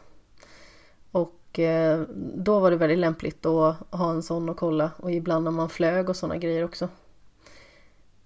Så var det ju väldigt skönt att liksom kunna se på sitt eget. Dels liksom så, precis som du sa innan, alltså jag är också precis som du väldigt så här, bra på att underhålla mig själv med så här, böcker och spel och sånt. Men det, ibland så är det bara så skönt att bara släppa allting och bara kolla. Framförallt typ så här, ja men då gör det ingenting om man somnar lite eller sådär. Mm. Man behöver liksom inte ha hundra uppmärksamhet på vad det är som händer. Nej. Så jag lyckades få skäll också när jag tittade för mycket på DVD i bilen. Men, Det var typ såhär bara, ah, du håller inte koll, hur ska du hitta sen när du får eget körkort? Du håller inte koll någonstans. Så bara, jokes on you, jag hittar fan ingenstans ändå. Jag har så jävla dåligt lokalsinne att det är typ pinsamt. Jag, liksom typ, jag, jag kan gå på stan så kommer jag gått runt kvarteret och tro att det är en ny gata liksom. ja, men det, minns jag så himla tydligt när du var hos mig första gången. Vi gick en liten sväng om med valpen och eh, eh, sedan så stod vi i stort sett framför mitt hus och du hade liksom glömt att jag bodde där. Exakt. Det är på den nivån. Jag är bara glad att jag hittar hem varje dag. Men folk frågar mig typ, ah, men det, ligger, badrummet. det där ligger på den här gatan. Så man säger bara, ja, eh, ja men det är typ såhär bara, ja vad kul, det finns en gata med det namnet, vad fan då? liksom, det, jag liksom vi gick upp för den här vägen, så bara, du vet, det, det ligger där och där, man bara, ja, jag vet precis. Inte Gatunamn vad och sånt är jag oftast hopplös på. Däremot så är jag väldigt bra på att memorera saker. Så när jag väl har sett ett ställe, kanske en, två gånger, så går det ganska mycket på intuition. Nej, det finns inget sånt i mitt sinne. Alltså jag känner ju också igen saker, alltså jag är typ jättebra på att komma typ ihåg ansikten och sådana grejer, men typ vägar och sånt, det är liksom, nej, in, ingen aning liksom. Så det, det tog mig så här, as, flera år innan jag visste att om jag ska upp till Sergels torg från centralen, liksom, man går av tåget. Det tog mig liksom så här skitlångt innan jag fast förstod vilken trappa jag skulle gå upp i. Jag var så här, bara, nu hamnar jag liksom, så här, jag bara, ja, men jag går upp i den här trappan så får vi se. Så bara, nej nu hamnar jag här! Och sen så går man upp där, så bara, så man går upp så här fyra olika gånger, man går av flera det här tåget, hamnar på fyra olika platser. Och bara, hur? Nu vet Man skulle ju går. filmat dig där liksom och satt på så här Benny Hill-musiken i bakgrunden. Men, men nu vet jag precis hur man går till Sergels torg. Man går, för det, finns, det är inte skyltat nere liksom hoppar av pendeltågen så bara gå till Sergels torg hem. Man går till blåa linjen och sen kan man komma till Sergels torg där. Nu vet jag det. Men liksom så här, det var ju så här, det var ju så här att Problemet var ju att jag hade ju alltid råkat hamna där. Så det var ju liksom inte att jag hade Det var inte så att jag hade liksom aktivt sökt mig dit, utan det var att nu ska jag faktiskt hitta till Sergels torg. Så nu måste jag tänka, hur går jag dit? Och då var så här, okej, men jag går upp i blåa linjen och ser vart jag hamnar där. Så bara, ah, okej, då förstår jag.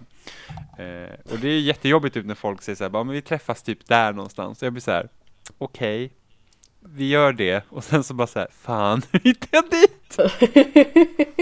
och så kommer man så bara, så, jag, så, så, så ibland kommer man från fel håll, så säger den personen som väntar på en, bara, ja, kom du därifrån? Så bara, ja, men nu är jag här. jag gick runt Åhlénshuset för att komma hit, jag har gått runt. Ja, så det, här, det var det som räknades, att jag kom hit. okej. ja, men det är så, så bara, vad tid det tog, och man bara, mm. Det var typ som när vi, vi ska träffa en kompis i Sundbyberg. Ja. Och då gick jag upp på fel sida, så då måste man liksom gå runt hela skiten för att komma till biblioteket där. Och sen så bara, men du, så bara, oj vad lång tid det tog. Så bara, ja. Så bara, gick du fel? Ja. det var liksom så att antingen, antingen kommer man liksom upp i rätt trappuppgång och då är det i princip där på en gång. Eller så går du upp på andra sidan och då måste du gå runt. Och jag gick ju såklart fel. Det är så här 55% chans att komma rätt. Och jag gick fel, obviously. Så bara, gick du fel? Så bara, åh. Så ser hon så här, så här, de tittar på en som om jag vore typ en liten ledsen hund. Man måste bara, mm, Lille vännen. ja men lite så. Åh jösses. Eh, jag tyckte det var lite svårt här, bästa hårda julklappen. Att bestämma vad det skulle kunna vara. Alltså jag har fått eh, en hel del fina saker men jag tror att en sån här som jag minns väldigt väl var att jag fick Harry Potter och Flammande bägaren i julklapp. Mm. Mm. Det står fortfarande mitt namn skrivet eh, från den tiden liksom. Mm. i den boken. Det var väldigt roligt för jag eh, kollade i den innan för att påminna mig själv lite grann. Och man ser liksom hur gammal och sliten den är. Mm. Eh, jag för mig att jag hade ettan, tvåan, sen så fick jag låna trean av mina kusiner. Eh, trean som då liksom är min favorit, både i eh, film, ljud och text. Mm. Och sen så fick jag fyran. Och sen så lånade jag de sista på biblioteket. Så jag köpte trean, och så femman, sexan, sjuan i vuxen ålder. Mm. Och har innan liksom lånat dem. Flera gånger om då. Mm. Eh, Så det är typ det enda jag använde mitt bibliotekskort. Det var att låna Harry Potter. Alltså, det var så fantastiskt att låna böcker på biblioteket va? Ja, det Alltså var det. jag läste så mycket i grundskolan. Alltså vi hade ett, alltså, de flesta skolor har ett eget bibliotek. Men eh, Det var så att jag, jag läste ju jämt. Alltså det var verkligen så här, var man klar med en bok, gick man på biblioteket och så lånade man en ny. Det spelade liksom typ inte roll vad det var för bok, man bara tog någon som såg intressant ut. Ja, alltså jag läste också supermycket. Både från skolans bibliotek men sen så eh, gick jag väldigt ofta till själva stadsbiblioteket här i Alingsås. Mm. Och eh, strosade runt, lånade lite böcker. Som sagt, jag har lånat Harry Potter-böckerna 7000 gånger. Eh, sen så fanns det ju dessutom en manga-avdelning. Mm. Så jag lånade en hel del manga under en period också, minns jag. Mm. Så det är fina fisken faktiskt. Ja, Sen om det är någonting som man liksom konsumerar så här om och om igen så är det kanske så här, då kanske det är bättre att ha det. eh, inte för att det kostar någonting, eh, men mer så här på det praktiska planet. mm. Det första jag gjorde när jag köpte om, eller, eller köpte om, jag köpte in eh, de böckerna som jag inte hade. Mm. Det var ju liksom att läsa om dem igen. Och sen igen. Mm. På den tiden som man fortfarande läste ordentligt. Det, jag läser ju så himla lite numera och jag vill på något vis fortfarande ha den här, så här bokmals-auran kring mig. Mm. Men eh, tyvärr känner jag att tid inte riktigt finns. Nej, och sen så man, alltså det, det krävs mycket mer att läsa. Man måste verkligen vara liksom skärpt. Det, man kan liksom inte slumra till att läsa en bok. Nej men det finns en eh, bok av en författare som jag gillar väldigt mycket. Eh, han heter Giorgio Faletti. Avled för några år sedan så han kommer tyvärr inte släppa några fler böcker vilket är väldigt synd. Men han har i alla fall skrivit en bok som heter Jag är Gud. Och av någon outgrundlig anledning så har jag aldrig kommit förbi sida 50. Mm. För att jag känner liksom att mitt koncentrationsspann räcker inte riktigt till. Och eh, de andra två böckerna som han har skrivit som heter Jag dödar och Ögat som ser, de kastar en lite mer in i spänningen från början. Och den här har en ganska så trög start. Ehm, så det kan vara lite problematiskt. Sådär, i- synnerhet när man läser böcker i eh, fysisk form. Att det liksom tar så lång tid att komma in i någonting. Jag lyssnar just nu på en bok som heter Den hemliga historien. Eller på engelska som jag lyssnar, eh, The Secret History. Och eh, det tog ungefär fem och en halv timme innan den började bli riktigt spännande. Mm. Och visst, det handlar väldigt mycket om etablera och sådana grejer, men i början var det liksom så här. Det här är alltså en kultförklarad bok. Jag är liksom inte helt med på vad den här vill mig. Sen nu förstår jag ju liksom vad grejen var för att eh, den börjar bli ruskigt spännande. Mm. Helt klart. Eh, Men, men lite så. Jag tycker det är svårt att koncentrera mig på att läsa och så har man upptäckt liksom att man sitter där och har läst samma rad typ sju gånger. Bara så här, men jag kommer inte förbi det här. Mm.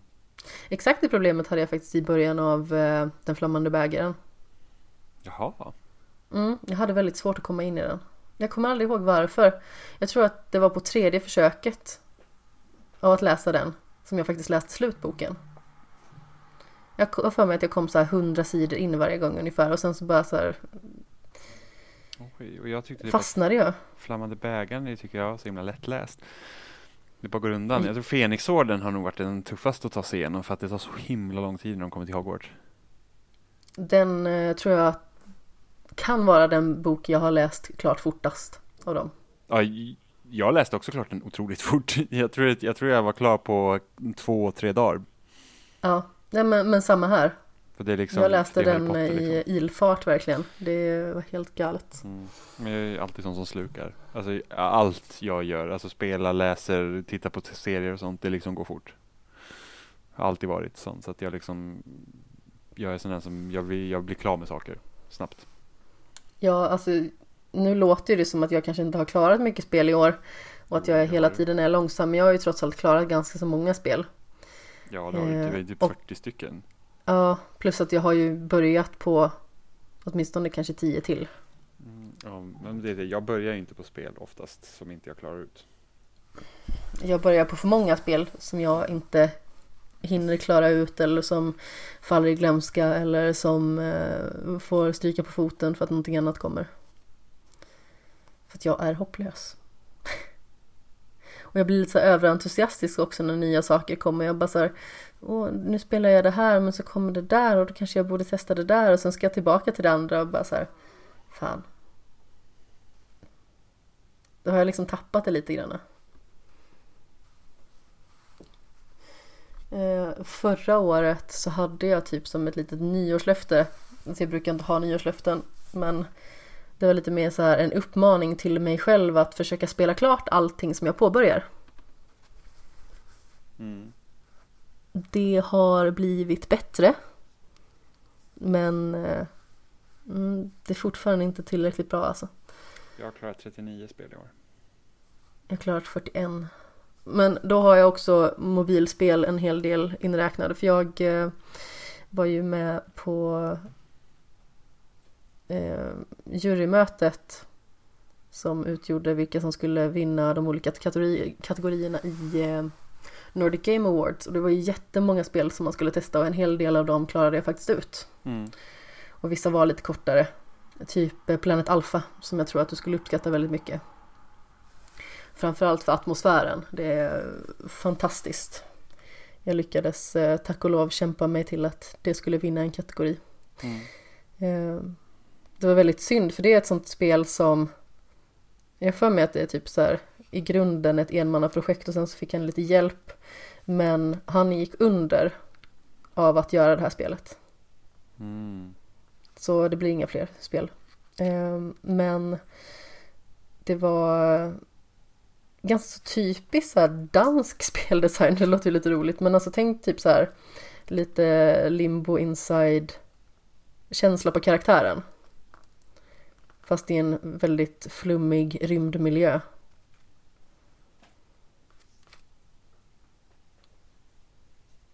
Så det kan jag faktiskt eh, rekommendera varmt. Det var väldigt, väldigt bra. Mm. Sen har det varit lite mindre titlar också sådär som typ My Child, Lebensborn och eh, Spitkiss var det någonting som hette. Som också var ganska så roligt. Mm. Hold Down som också var TOS. Och sen har jag i och för sig klarat en hel del hyfsat stora spel. Alltså jag har ju Fire Emblem som är över 60 timmar till exempel. Eh, Arkham City har jag spelat igenom en gång till.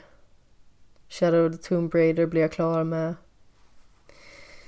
Så det är ju en hel del titlar som inte bara är liksom små kamelfisar. Mm. Men eh, jag vet inte, ibland så känns det liksom som att jag är så himla ineffektiv och sen så kollar jag på min lista och bara så här, jag har faktiskt kanske inte varit så ineffektiv som det känns. Det bara det känns som att jag är långsam när jag konsumerar saker. Mm.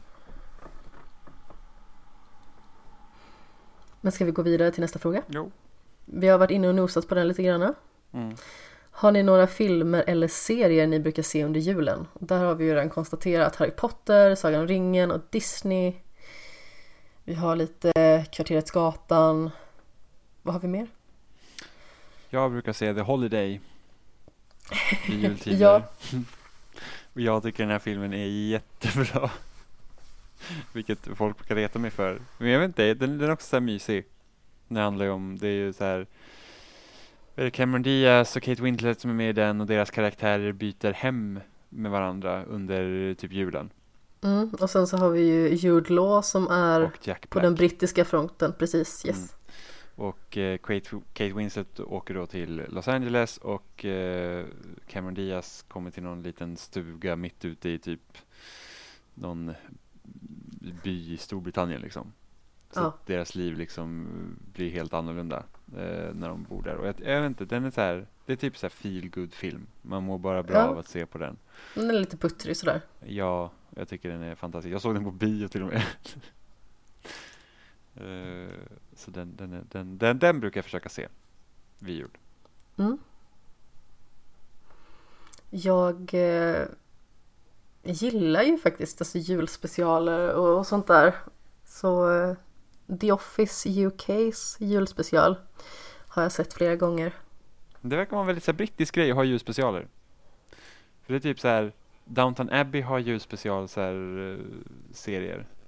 Jag tror Doctor Who brukar också ha typ julspecialer. Ja, det har de säkert. Mm. Eh, en hel del.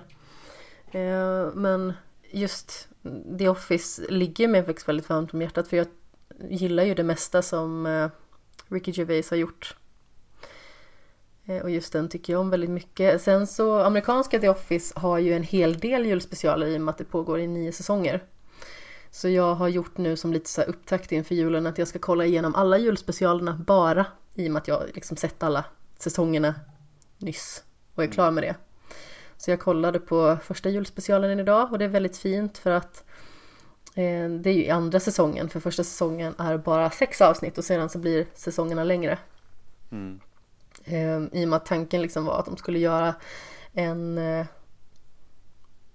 en exakt version, eller in- inte exakt kanske men eh, det skulle vara som brittiska The Office i grunden. Mm. Men sedan så börjar den stega ifrån det där. Och de har de här julspecialen. Så eh, ska Jim försöka liksom så här att visa hur mycket han tycker om Pam? Genom att eh, han ger henne en jättefin tekanna och eh, har lagt in massa så här intern skämt i den. Och då är det liksom, de har en sån här Secret Santa och han lyckades få henne i den julklappsleken då. Och hon, vet, hon förstår ju liksom att det är han som har gett henne den. Eh, och sen så får ju eh, Michael Scott som då är chefen, eh, alltså David Brents motsvarighet. Han får ju något form av så här psykbryt för han tycker att hans julklapp är för dålig. Så då ska de köra så här julklappslek. Att man liksom får stjäla julklapp av någon annan. Och eh, då börjar ju den här tekannan vandra. Och då blir ju Jim naturligtvis lite förstörd. Men sen så visar det sig liksom att eh, de får ju tillbaka sina ordinarie julklappar och då är det liksom sådana här grejer som eh, Dels så får hon, jag tror att det är ett så här årsboksfoto på honom från när han gick i skolan. Eh, och sen så eh, typ en liten påse med hot sauce för hon trodde att det var ketchup när hon hade ätit det någon gång och hällde det liksom över en, en korv med bröd. Och li, lite sådana alltså intern skämtgrejer. Och sen något brev till, till henne också. Och lite sådana grejer. Mm. Det är för övrigt ett av de finaste typ så tv-serieparen. Jag tycker om dem så jättemycket. Mm. De har fått mig att nästan börja lipa jättemånga gånger i eh, den serien. Mm. Men eh, så det har jag tänkt att göra i alla fall, liksom se på alla de julavsnitten. För det är något visst med julavsnitt på något vis. Jag, jag tycker att det är jättemysigt. Eh, precis som att typ de här heistavsnitten i Brooklyn 99 varje gång. Mm. Det, är liksom, det blir en tradition i serien.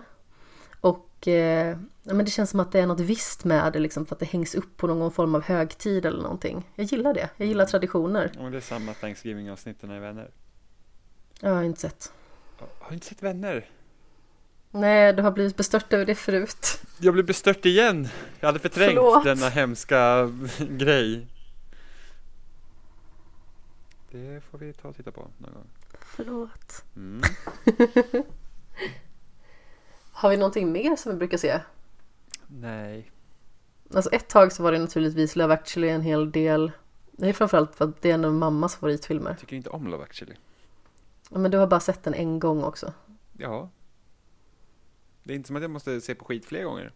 Nej Oj, men Nu lät jag jättehård, men det är liksom... du, du sa någonting i den, i den stilen med att Jo, eh, du kanske behöver se om den. ja precis. Men, Just det. eh, men jag, jag kommer ihåg i alla fall att jag inte... Jag tycker, Jag tycker att faktiskt att det är en bra film. det, jag tycker att Holiday är en mycket bättre film.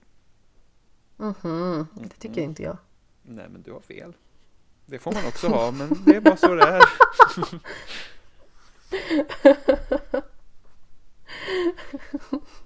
Fan vad nöjd du lät också bara så här, ja men du har Ja. fel. Mm. Mhm. Åh, himmel och pannkaka. Jag funderar på om det är någonting mer jag brukar se. Jag tror inte det. Men fantasy passar väldigt bra på julen. Ja. är vi i alla fall överens om. Yes. Och eh, då kommer eh, frågan, är kalanka viktig på julafton? Nej. Nej, eller ja. Den är jätteviktig för att då får man i alla fall en liten eh, eftermiddagslur. Vad? Såklart. Ja, jag tycker att det är jätteskönt att ta så här eftermiddagslurar och sova lite för att kunna vara uppe lite senare. Och eh, där fyller faktiskt Kalanka en väldigt viktig funktion. För att det är så tråkigt att kolla på. Så då kan man sova. Ja, Och det är nej. ingen som klagar på en för typ alla sitter och sover till den då. Ja, nej, alltså jag hade gärna sett Kalanka och sådär och ha det som tradition och mycket sånt. Men vi hade ju så inspelat på VHS. Eh, typ jul, Kalanka jul från typ 89 kanske. Vilket gör att jag har sett den där så himla många gånger. Ja men jag förstår det. Och jag tycker att, eh, nu måste jag bara justera min eh, puff här, mitt puffskydd. Det har kanat ner. Så. ehm, ja, vad var vi? Du har sett det många gånger. Mm. Så, så vi har redan sett det många gånger. Det jag tycker har varit roligast med att titta på Kalanka det är just det att man alltid får en liten tease till en ny film. Som Ja. liksom kommer. Eh, så det tycker jag har varit ganska roligt. Men vi har alltid haft så mycket att göra hemma. Så det är liksom, vi har haft mycket med hästarna så då hinner man liksom inte kolla och sen så i slutet så, eller ja, de, de sista åren jag fortfarande bor hemma så då, då lagar jag all mat. Jaha. Eh, så att eh, jag började typ laga mat när Kalanka började. Så, eh, så då, då tittar jag inte på det av den anledningen. Eh, och nu har inte jag, alltså jag kollar liksom inte på Kalanka helt enkelt. För att ja, det, det är inte så viktigt. Nej, som sagt det intresserar mig inte så himla mycket och sen så överlag de jag har sett Kalle Anka med Alltså De håller sig vakna typ fram till tjuren Ferdinand ungefär. Tjuren Ferdinand är så tråkig. Ja men alltså det är ungefär på, alltså har man klarat sig dit Då är det liksom ändå ganska så strångt jobbat men alla sover garanterat när tjuren Ferdinand kommer liksom. det är standard. Det är rätt skönt att så här, sova lite och veta att ja, men alla andra gör det också. Jag behöver inte skämmas för att ta min lilla eftermiddagslur. Men jag kommer ihåg förra åren på jul. Eh, jag har en tendens att eh, när jag börjar slappna av då kan jag ofta få rätt hög feber. Mm. Antingen så blir jag sjuk eller så får jag liksom hög feber. Ehm, och då fick jag rätt hög feber och hade det under julen, det var ju inte skoj. Så jag satt ju och eh, sov och kallsvettades under julafton. Åh, vad tråkigt. Jag har aldrig varit sjuk på julafton faktiskt. Nej, eh, jag vet inte riktigt om det är liksom så här sjuk per se, men det är bara så här, det är en Nej, du, myskofik. du ju ständigt håller ju dig på den kanten. Så bara, åh, halvt om halvt döende, 40 graders feber. Ja, men du är ju sjuk. Nej. Nej men alltså grejen är att det är jättemärkligt för att min kropp får sådana här konstiga liksom, reaktioner bara för att okej nu kan den slappna av. Men det är inte många som blir sjuka. Man har liksom haft en stressig period på jobbet, skolan och vad som helst. Och sen så är du ledig och då kan du bara släppa allting. Och då kroppen bara så åh vad skönt. Nu sänker vi garden totalt. Ja, jag, jag minns för några år sedan. Då var jag faktiskt då var jag riktigt eh, sjuk. Det var på juldagen jag började bli sjuk. Eh, vi har liksom som lite tradition tidigare att vi går på juldagsbio. Så det har vi oftast gjort. Ja. Det har vi gjort det tidigare år och i och med att farmor väldigt ofta har varit med så har det liksom blivit någon sån här halvdan film. Vissa har väl varit rätt roliga. Nu senast så var det Solsidan-filmen och den var inte alls bra. Men eh, Det känns Om det var- det säger sig självt. ja, precis. Eh, om det var två år sedan eller tre år sedan så eh, blev jag jättesjuk på juldagen efter att vi hade varit på bio. Jag hade frossa, feber och eh, var liksom jättesnuvig och hade ont i halsen. Min farmor som börjar liksom glömma hur man ska föra sig i möblerade rum började så här försöka kittla mig under fötterna när jag låg på sidan i soffan. Mm. Och jag liksom bara så här, farmor, alltså allvarligt talat, det gör ont när du rör mig. Rör mig inte, för, i så fall går jag, jag liksom går härifrån, jag går hem. Låt mig vara. Mm. Eh, sen så glömde hon väl av att jag hade sagt det typ en minut senare och skulle hon kittla mig igen. Eh, så då sa farmor, du måste sluta. Det här, det här går inte, det gör liksom ont. Då var till och med min pappa bara så här, men kan du inte bara låta henne vara mamma? Det är så här, Mm. Så jag fick så här ta filten och så krypa in i ett annat hörn och la mig typ där och surade. Vi kollade på någon film, eh, vill jag minnas. Jag var ju mest inne i någon form av så här feberdimma. Men just det tyckte jag var så himla jobbigt. Mm. Det är synd om farmor att hon eh, mer och mer börjar eh, tappa greppet om verkligheten. Men en grej som var väldigt rolig fast den är ju sorglig på samma gång. Jag vet inte om jag har berättat den i podden men det har jag kanske gjort. Eh, min farmor började så här glömma av att betala räkningar. Vilket min pappa upptäckte när han skulle ringa till henne och telefonräkningen inte var betald så då var den liksom avstängd, telefonen. Eh, och eh, pappa liksom fixade det direkt och betalade och sen så fixade de sa att min faster skulle hjälpa henne att betala räkningar och så istället så att det skulle bli gjort och att det liksom var säkert att det, inget skulle falla mellan stolarna. I synnerhet liksom med telefonen i och att de behöver kunna ha kontakt i och med att hon bor i Kristianstad och vi bor här uppe och det är liksom tre och en halv timme emellan så man kan liksom inte bara svänga förbi på en liten kaffe. Mm. Men så i alla fall kommer min faster dit en dag och då finns det ingen post alls. Hon liksom bara så här, men mamma vad är all post för någonstans? Och farmor liksom bara så här, ja men den har jag redan fixat med. Ja men alla räkningar då? Ja de har jag betalt. Nej alltså du har ju inga girotalonger. För hon har ju liksom inte tillgång till internet och sådana grejer. Nej men jag skickar iväg dem. Du gjorde vad? De har alltså lagt alla sina fakturor i ett kuvert, skrivit Hässleholm på och skickat iväg det. Herregud. Ja.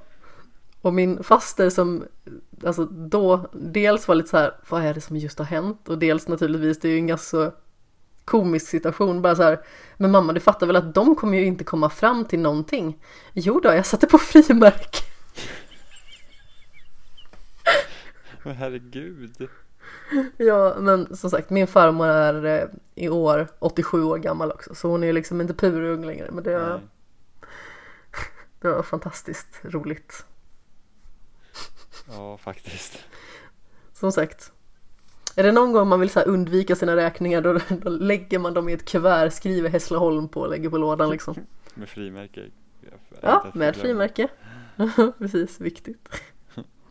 Ja, nej men eh, vi kom i alla fall fram till att kalanka inte är så viktigt. Men eh, däremot så eh, har jag för mig att du har inte sett Karl-Bertil Jonssons Nej. jul. Nej.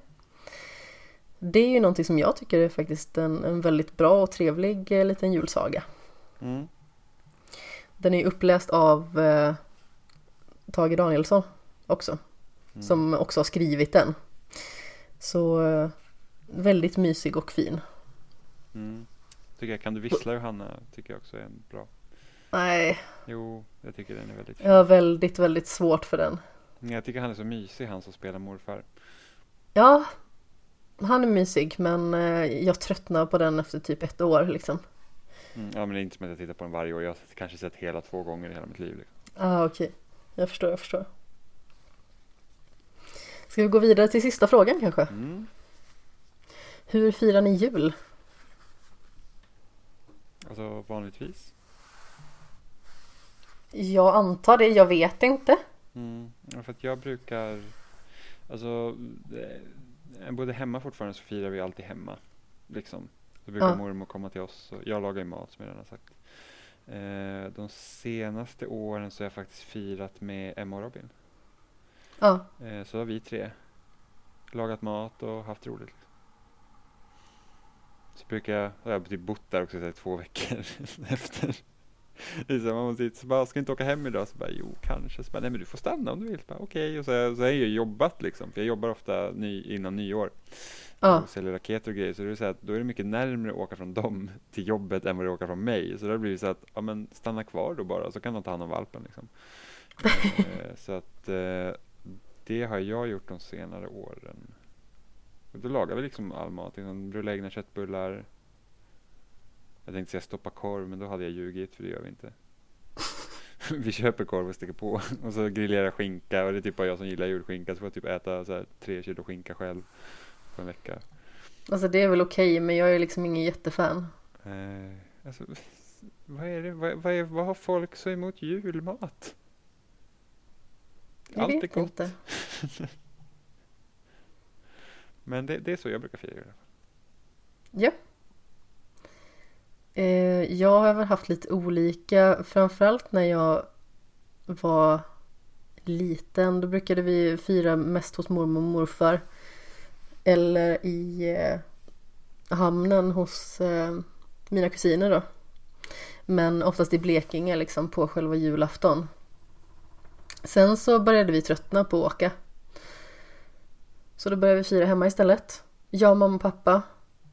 Och eh, sen så farmor har också varit med en del. Så eh, då blev det liksom så här italienskt julbord precis som jag nämnde tidigare. Man har lite andra traditioner, man behöver inte förhålla sig så jättemycket till eh, andra. I fjol däremot så var vi i, i Blekinge igen hos morfar då och firade. Och då var vi ju liksom hela släkten och det var ganska kul just då. Eh, jag är inte så jättemycket för så här stora släktbjudningar och sånt. Just för att jag eh, blir väldigt så här dränerad efter ett tag av alla liksom så här sociala intryck och så ska man försöka hinna prata med alla och vara social och sådär. Mm. Jag är inte heller så mycket för så här stora släktgrejer men det är typ ingen i, släkt, i vår släkt tycker om oss så att det gör ingenting. jag låter så Vad himla hemskt det lät. Ja men alltså det är typ såhär, vi har, alltså både min pappa och min mamma liksom var typ deras respektive familjer svarta får. Så att, ja. Jag är inte så speciellt förtjust i min släkt heller, de är giriga jävlar de flesta av dem. Så, så att det är liksom inte som något man lider av på det sättet. Jag tycker om eh, släkten på min mammas sida. Mm. Sen är det en ganska så stor släkt. Eh, så det är nästan skönare att liksom ta dem en liten sektion i taget. Eh, däremot i somras så gifte sig min morbror och hans, eh, ja numera fru då. Eh, och då hyrde vi i den släkten en liten gård.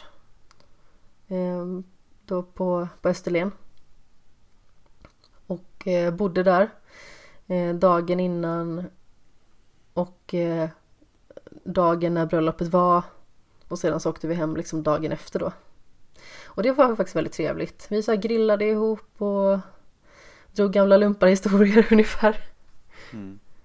Sen så har min kusin, hon eh, har ju en eh, kille som eh, är ganska så ny i familjen ändå får man väl säga. Han, har varit med ett litet tag men eh, så han blir ju naturligtvis utsatt för alla släktens liksom så här klassiska berättelser ifrån förr i tiden. Naturligtvis. Mm. Alla pinsamheter och dumheter som folk har hittat på. Men det var en väldigt rolig eh, helg faktiskt, måste jag Mm. säga. Även att som sagt, det, det blir ju mycket när det var mycket folk. Men då gjorde jag ju som så kvällen eh, efter bröllopet, för bröllopet var liksom mer centrerat på dagen. Eh, och hon dessutom gravid då, frun där. Så det var ganska lugna puckar. Så Mm. då åkte vi tillbaka och sen så var det liksom dags för lite korvgrillning och lite sånt.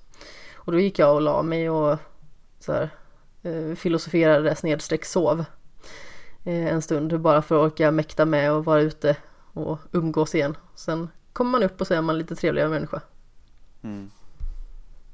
helt enkelt. Men i år så firar vi lite annorlunda. Mm. Du och jag firar jul. Ja det gör vi. Det ska bli kul. Ja, det ska bli väldigt kul.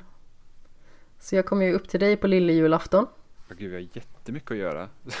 Så här, var iväg och jag var såhär, shit, ska köpa massa mat? Så det kommer så mycket mat kvar för att det, det går typ inte att köpa lite julmat. Eh, Det är ju svårt att liksom anpassa för bara två personer. Mm. Eh, och sen så har vi ju eh, ja, men massa så filmer och serier och grejer som vi ska se och förmodligen spela också på själva julafton i sig. Mm. Byta julklappar och sådant. Så det kommer säkert bli eh, fantastiskt. Och sen så har vi ju två stycken jular till i stort sett. Mm. För då ska vi fira med Emma och Robin på juldagen. Ja. Och sen med mina föräldrar på annandagen. Ja. Så vi flänger Sverige runt. Flemingsberg, Uppsala, Alingsås. Ja, verkligen. Och julen är snart här. Ja, det också. Gud, jag har en rapport jag måste skriva. Ja, Det är typ, usch.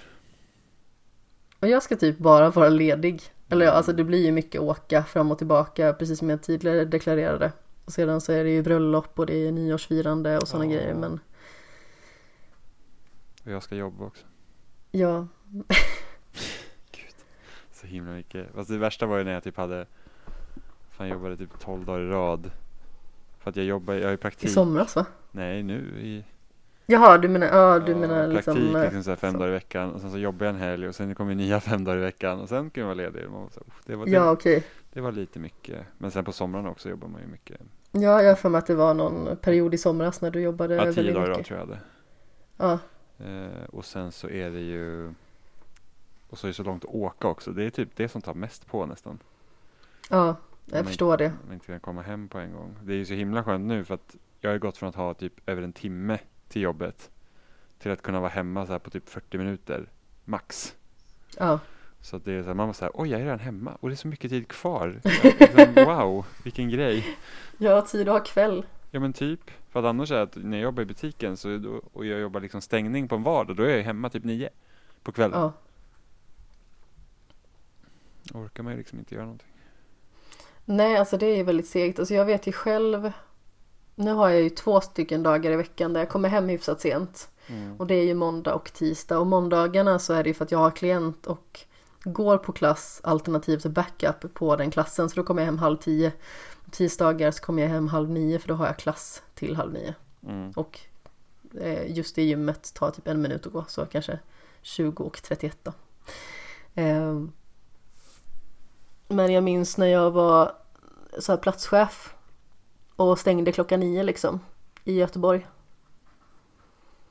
Mm. Då var man ju inte heller hemma supertidigt. Nej. Då hade man ju kanske tur om man kom hem med eh, 20 i 10 tåget. Då var man hemma 20 över 10. Ja, det är fan sent. Det var det. Helt klart. Men eh, ja, som sagt. För, för egen del så är det ju fantastiskt skönt att faktiskt ha kunnat börja jobba här och jag tror att det kommer bli ännu mer lugnt när det faktiskt övergår till att jag inte ska så här pressa ut analyser som jag har gjort nu utan jag kan sitta där och lite mer eh, strukturera upp, ta min tid och, och, och sådär. Eh, så Då tror jag att det kommer ha en ännu mer positiv effekt på mig Mm. än vad det redan haft. Det, det har varit jättepositivt. Att eh, slippa känna liksom att ja, men det, det är svårt att sluta sent. Det är svårt att jobba över för att jag kommer hem sent. Mm. Jag har liksom ställt in mig den här veckan på att jag skulle jobba över. För att eh, det hände lite oförutsägbara grejer i liksom själva planeringen med det här analysprojektet i, på sluttampen. Så då såg det ut som att det skulle ta mycket längre tid än vad det egentligen borde. Så då ställde jag liksom in mig på att onsdag, torsdag, fredag kommer jag jobba över. Men idag så eh, kunde jag till och med sitta ner och eh, hjälpa till på leverantörsreskontra och sen jobba med analyser eh, torsdag, fredag då istället. Mm. Eh, för att jag är nästan klar liksom. Eh, så det gick mycket fortare än vad jag hade förväntat mig i alla fall. Och jag behövde inte jobba över en minut. Jag var klar en minut tidigare än jag skulle sluta. Ja, det nice. Så det är faktiskt väldigt skönt. Men Ja. som sagt, jag eh, går av den eh, 20 i 12 och går på igen den 7 i första. Gud vad orättvist livet kan vara. Ja, nu har jag förvisso pass och sånt, så jag är ju inte helt ledig. Nej, Men eh, det är ju en helt annan grej. För då får jag faktiskt aktivera mig själv också om jag vill och, och sådär. Plus att på söndag så har jag en väldigt kul jultradition faktiskt på gymmet här i Alingsås. Det är faktiskt så här att fem stycken av mina stamkunder jag har ju haft eh, crosscage som det heter i, jag tror att det är sju år snart, eller sex år åtminstone. Eh, och de liksom kom fram till mig så här, ja ah, men, åh ska du ha det här Nightmare before Christmas? Det är en sån här julspecial som jag har kört innan då.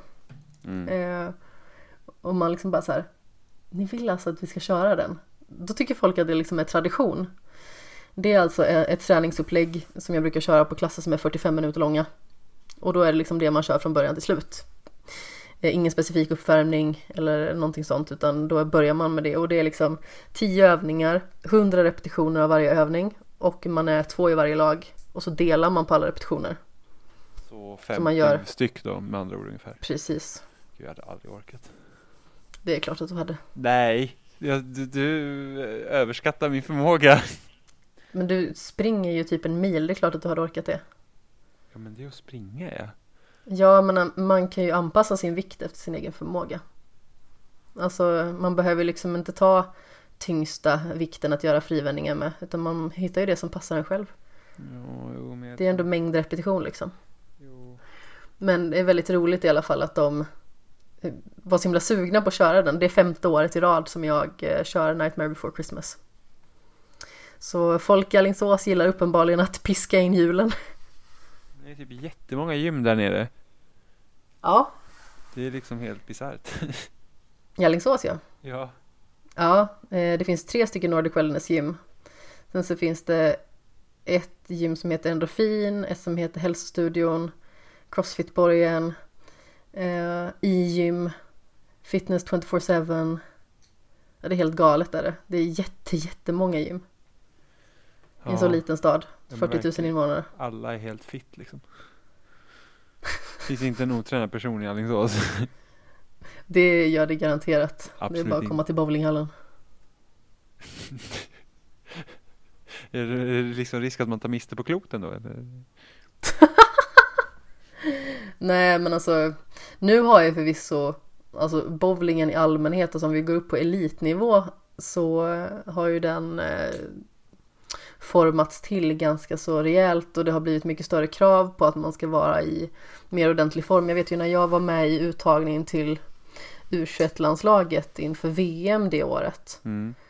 Då var vi ju på Bosön och gjorde tester. Och då hade vi alla möjliga typer av fystester som att eh, hur högt man kunde hoppa, eh, brutalbänk, eh, armhävningar, pull-ups, eh, Cooper-test, sådana grejer. Men gud. Så avancerat. Mm, alltså det har man ju fått eh, ha för sig. Men det är bra att de faktiskt har, har någon form av standard för att eh, tidigare så har ju bowlingen lite grann att vara, varit en sån här, men så här, typisk ölsport liksom. Öl och korvsport typ. Men eh, de som är i yttersta eliten är Alltså de, de kanske liksom inte är tränade som en fotbollsspelare men det behöver de inte heller vara. Utan det handlar ju om att man ska kunna ha eh, tillräckligt god kondition för att hålla ut så många serier som man spelar. Och faktiskt man ska kunna fokusera. Mm. Och fysiken är ju en väldigt stor del i det. Ja, verkligen. Det är liksom inte bara att man ska vara mentalt tränad för att vara en bra bowlingspelare. Eh, utan att eh, kroppen ska orka också. Ja, men det är ju samma det... de som sitter och gnäller på e-sport liksom och säger att ja, men du bara sitter ner liksom. Men så ser man ju de här som typ är skitbra, de är typ jättevältränade. För att det är liksom ja, men Madelisk till exempel. Hon är ju helt galen, jag följer henne på Instagram. Så galet vältränad.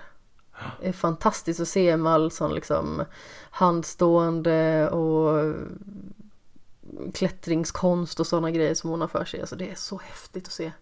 Och jag är så avundsjuk och jag vill vara så där bra på sådana saker. Eh, jag önskar bara att jag hade kunnat ta tag i och öva mer på det. Jag är ganska bra på att stå på huvudet och sådana grejer. Men jag hade velat bli riktigt bra på typ så stå på händer och, och sådana grejer. Ja. Det hade varit häftigt. Har vi något mer att tillägga i det här avsnittet egentligen? Vi har matat igenom alla frågor. Ja, Någonting mer du har tänkt på? nej, inte riktigt. Jag tror jag har täckt in allt ganska bra. Faktiskt. Ja. Vi har suttit ganska så lång tid i sedvanlig ordning. Ja, Vilket är mysigt. det har vi gjort. Det är ju faktiskt ovanligt länge sedan du var här. Eh, ja, precis. Känner du dig nästan utbytt? Nej. Men du kommer ju komma åter när vi har eh, årskrönikaavsnittet. Mm. Och då kommer vi ju prata om eh, inte bara vilka de bästa spelen i år är utan också film och serier och sen så kanske det blir lite så här specialkategorier och sånt. Men det får vi se. Alltså typ så här kanske eh, årets skämshögspel, skämshögsfilm och så vidare. Mm. Liksom den som har känns som att det har varit den största vinsten ur skämshögen. Man äntligen lyckades bli klar med. Mm. Men eh, skämshögen hittar man ju på sociala medier i form av snabla skamshogen. Både på Twitter och på Instagram och naturligtvis finns eh, skämshögen även på Facebook på e-postadress eh, skamshogen gmail.com och eh, ja, där poddar finns. Vad finns du för någonstans Jimmy? Jag eh, pratar om spel i spelsnack. Liksom du. Precis. Eh, och jag skriver också om spel på loading.se. Och jag twittrar sporadiskt på Seppala13. Mm, Jag varit väldigt dålig på typ sociala medier på senaste tiden. Jag, typ, jag orkar inte med någonting. Jag har lite perioder sådär. Ibland så lägger jag upp många bilder eh, i en liten period. Och sen så kan det liksom gå ett litet tag utan att jag lägger upp någonting alls. Men jag tror att jag är ganska så frekvent instagrammare i alla fall. Så Jag jag, var, jag att hade ju projekt jag lägga skulle ta en bild om dagen i år. Ja, Och sen så när man jobbar så mycket så hinner man liksom inte och sen så bara det är inte så jävla kul att fota saker i Märsta liksom. Eh, så jag liksom låg ju efter jättemycket och nu har jag typ inte tagit en bild på typ två veckor för jag var så att jag, jag hinner inte. Så att det sket sig. Mäsch. Men det blev 284 bilder. Ja, men det är ju ändå imponerande. Jo men det skulle varit 350 någonting. 365 är det väl? ja till och med det. Se. rub it in, rub it in. Nej men. Fick jag dåligt samvete. Nej det behöver du inte få. Jo. Det blir lite bröllopsbilder sen. Ja, det kommer det att bli. Definitivt. Mm. Dels så kommer ju ni kära lyssnare kunna gå in och kolla på hur fantastiskt förtjusande vi två är på bröllop. Eh, och dels eh, våran eh, kära kompis Oliver och hans Jenny. Hur vackra de kommer vara på sin stora dag. Mitt mål är att se bättre ut än Jenny. jag ska, jag kommer gå dit med en egen brudklänning som kommer knock the socks off. Det är så helt Kommer, fantastiskt. kommer du att slöja och sådana grejer också då eller? Ja, gud. Högklackat? Mhm. Herregud, då blir det typ såhär 2,30. Bara ben. ja, men jag kommer ju synas överallt. Ingen kommer kunna undgå mig. Och det var ju faktiskt så himla roligt i, jag håller på att kolla på Glee. Ja. Och det var en karaktär som skulle gifta sig i ett avsnitt. Och så kommer hon som är coach för eh, skolans cheerleaderlag. Eh, hon som är så typ, alltså en sån karaktär som man älskar och hata. Hon är alltså hon är typ seriens bästa karaktär. Så kommer hon i en exakt likadan brudklänning som bruden. och, det, Men oj. och det såg så jäkla kul ut för att hon, är, hon spelas ju av Jane Lynch. Och hon är ju så jäkla lång på riktigt. Hon måste ju vara över 1,80 liksom någonting. Oj. Så att hon, så att, ja, det är, så, det är fantastiskt roligt. Och sen så har hon alltid så här, typ långa monologer om varför hon gör saker. Så man liksom bara såhär, oh my god, så kul. Men det är ju lite som i Dairy Girl som vi pratade om sist du var här. Mm.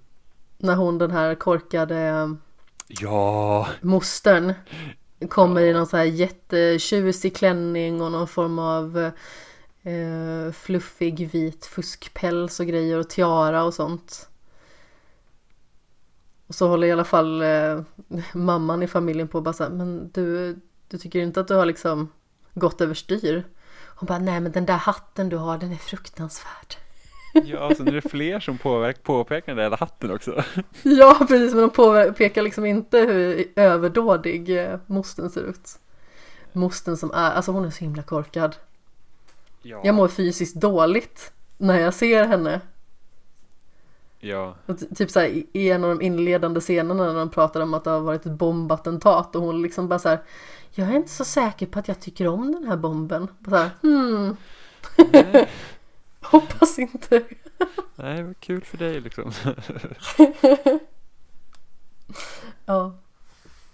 Hur avslutar man ett sånt här avsnitt? Jag vet inte, god jul. vad abrupt.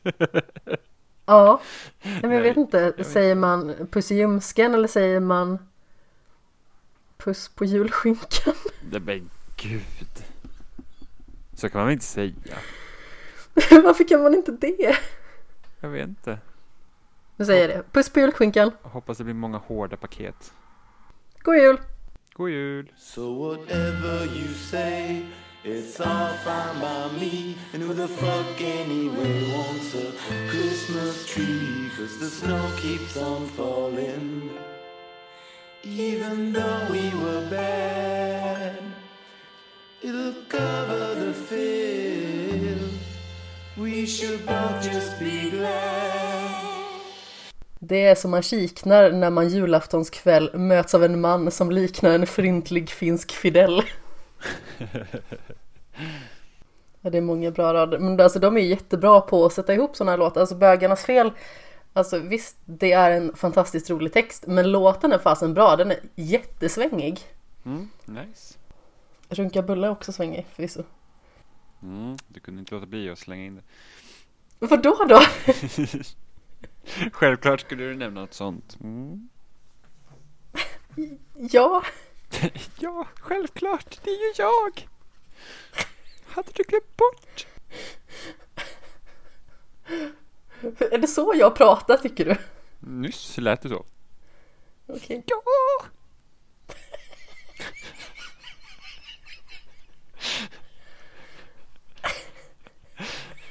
Så viskuskrattet. Oj. Nej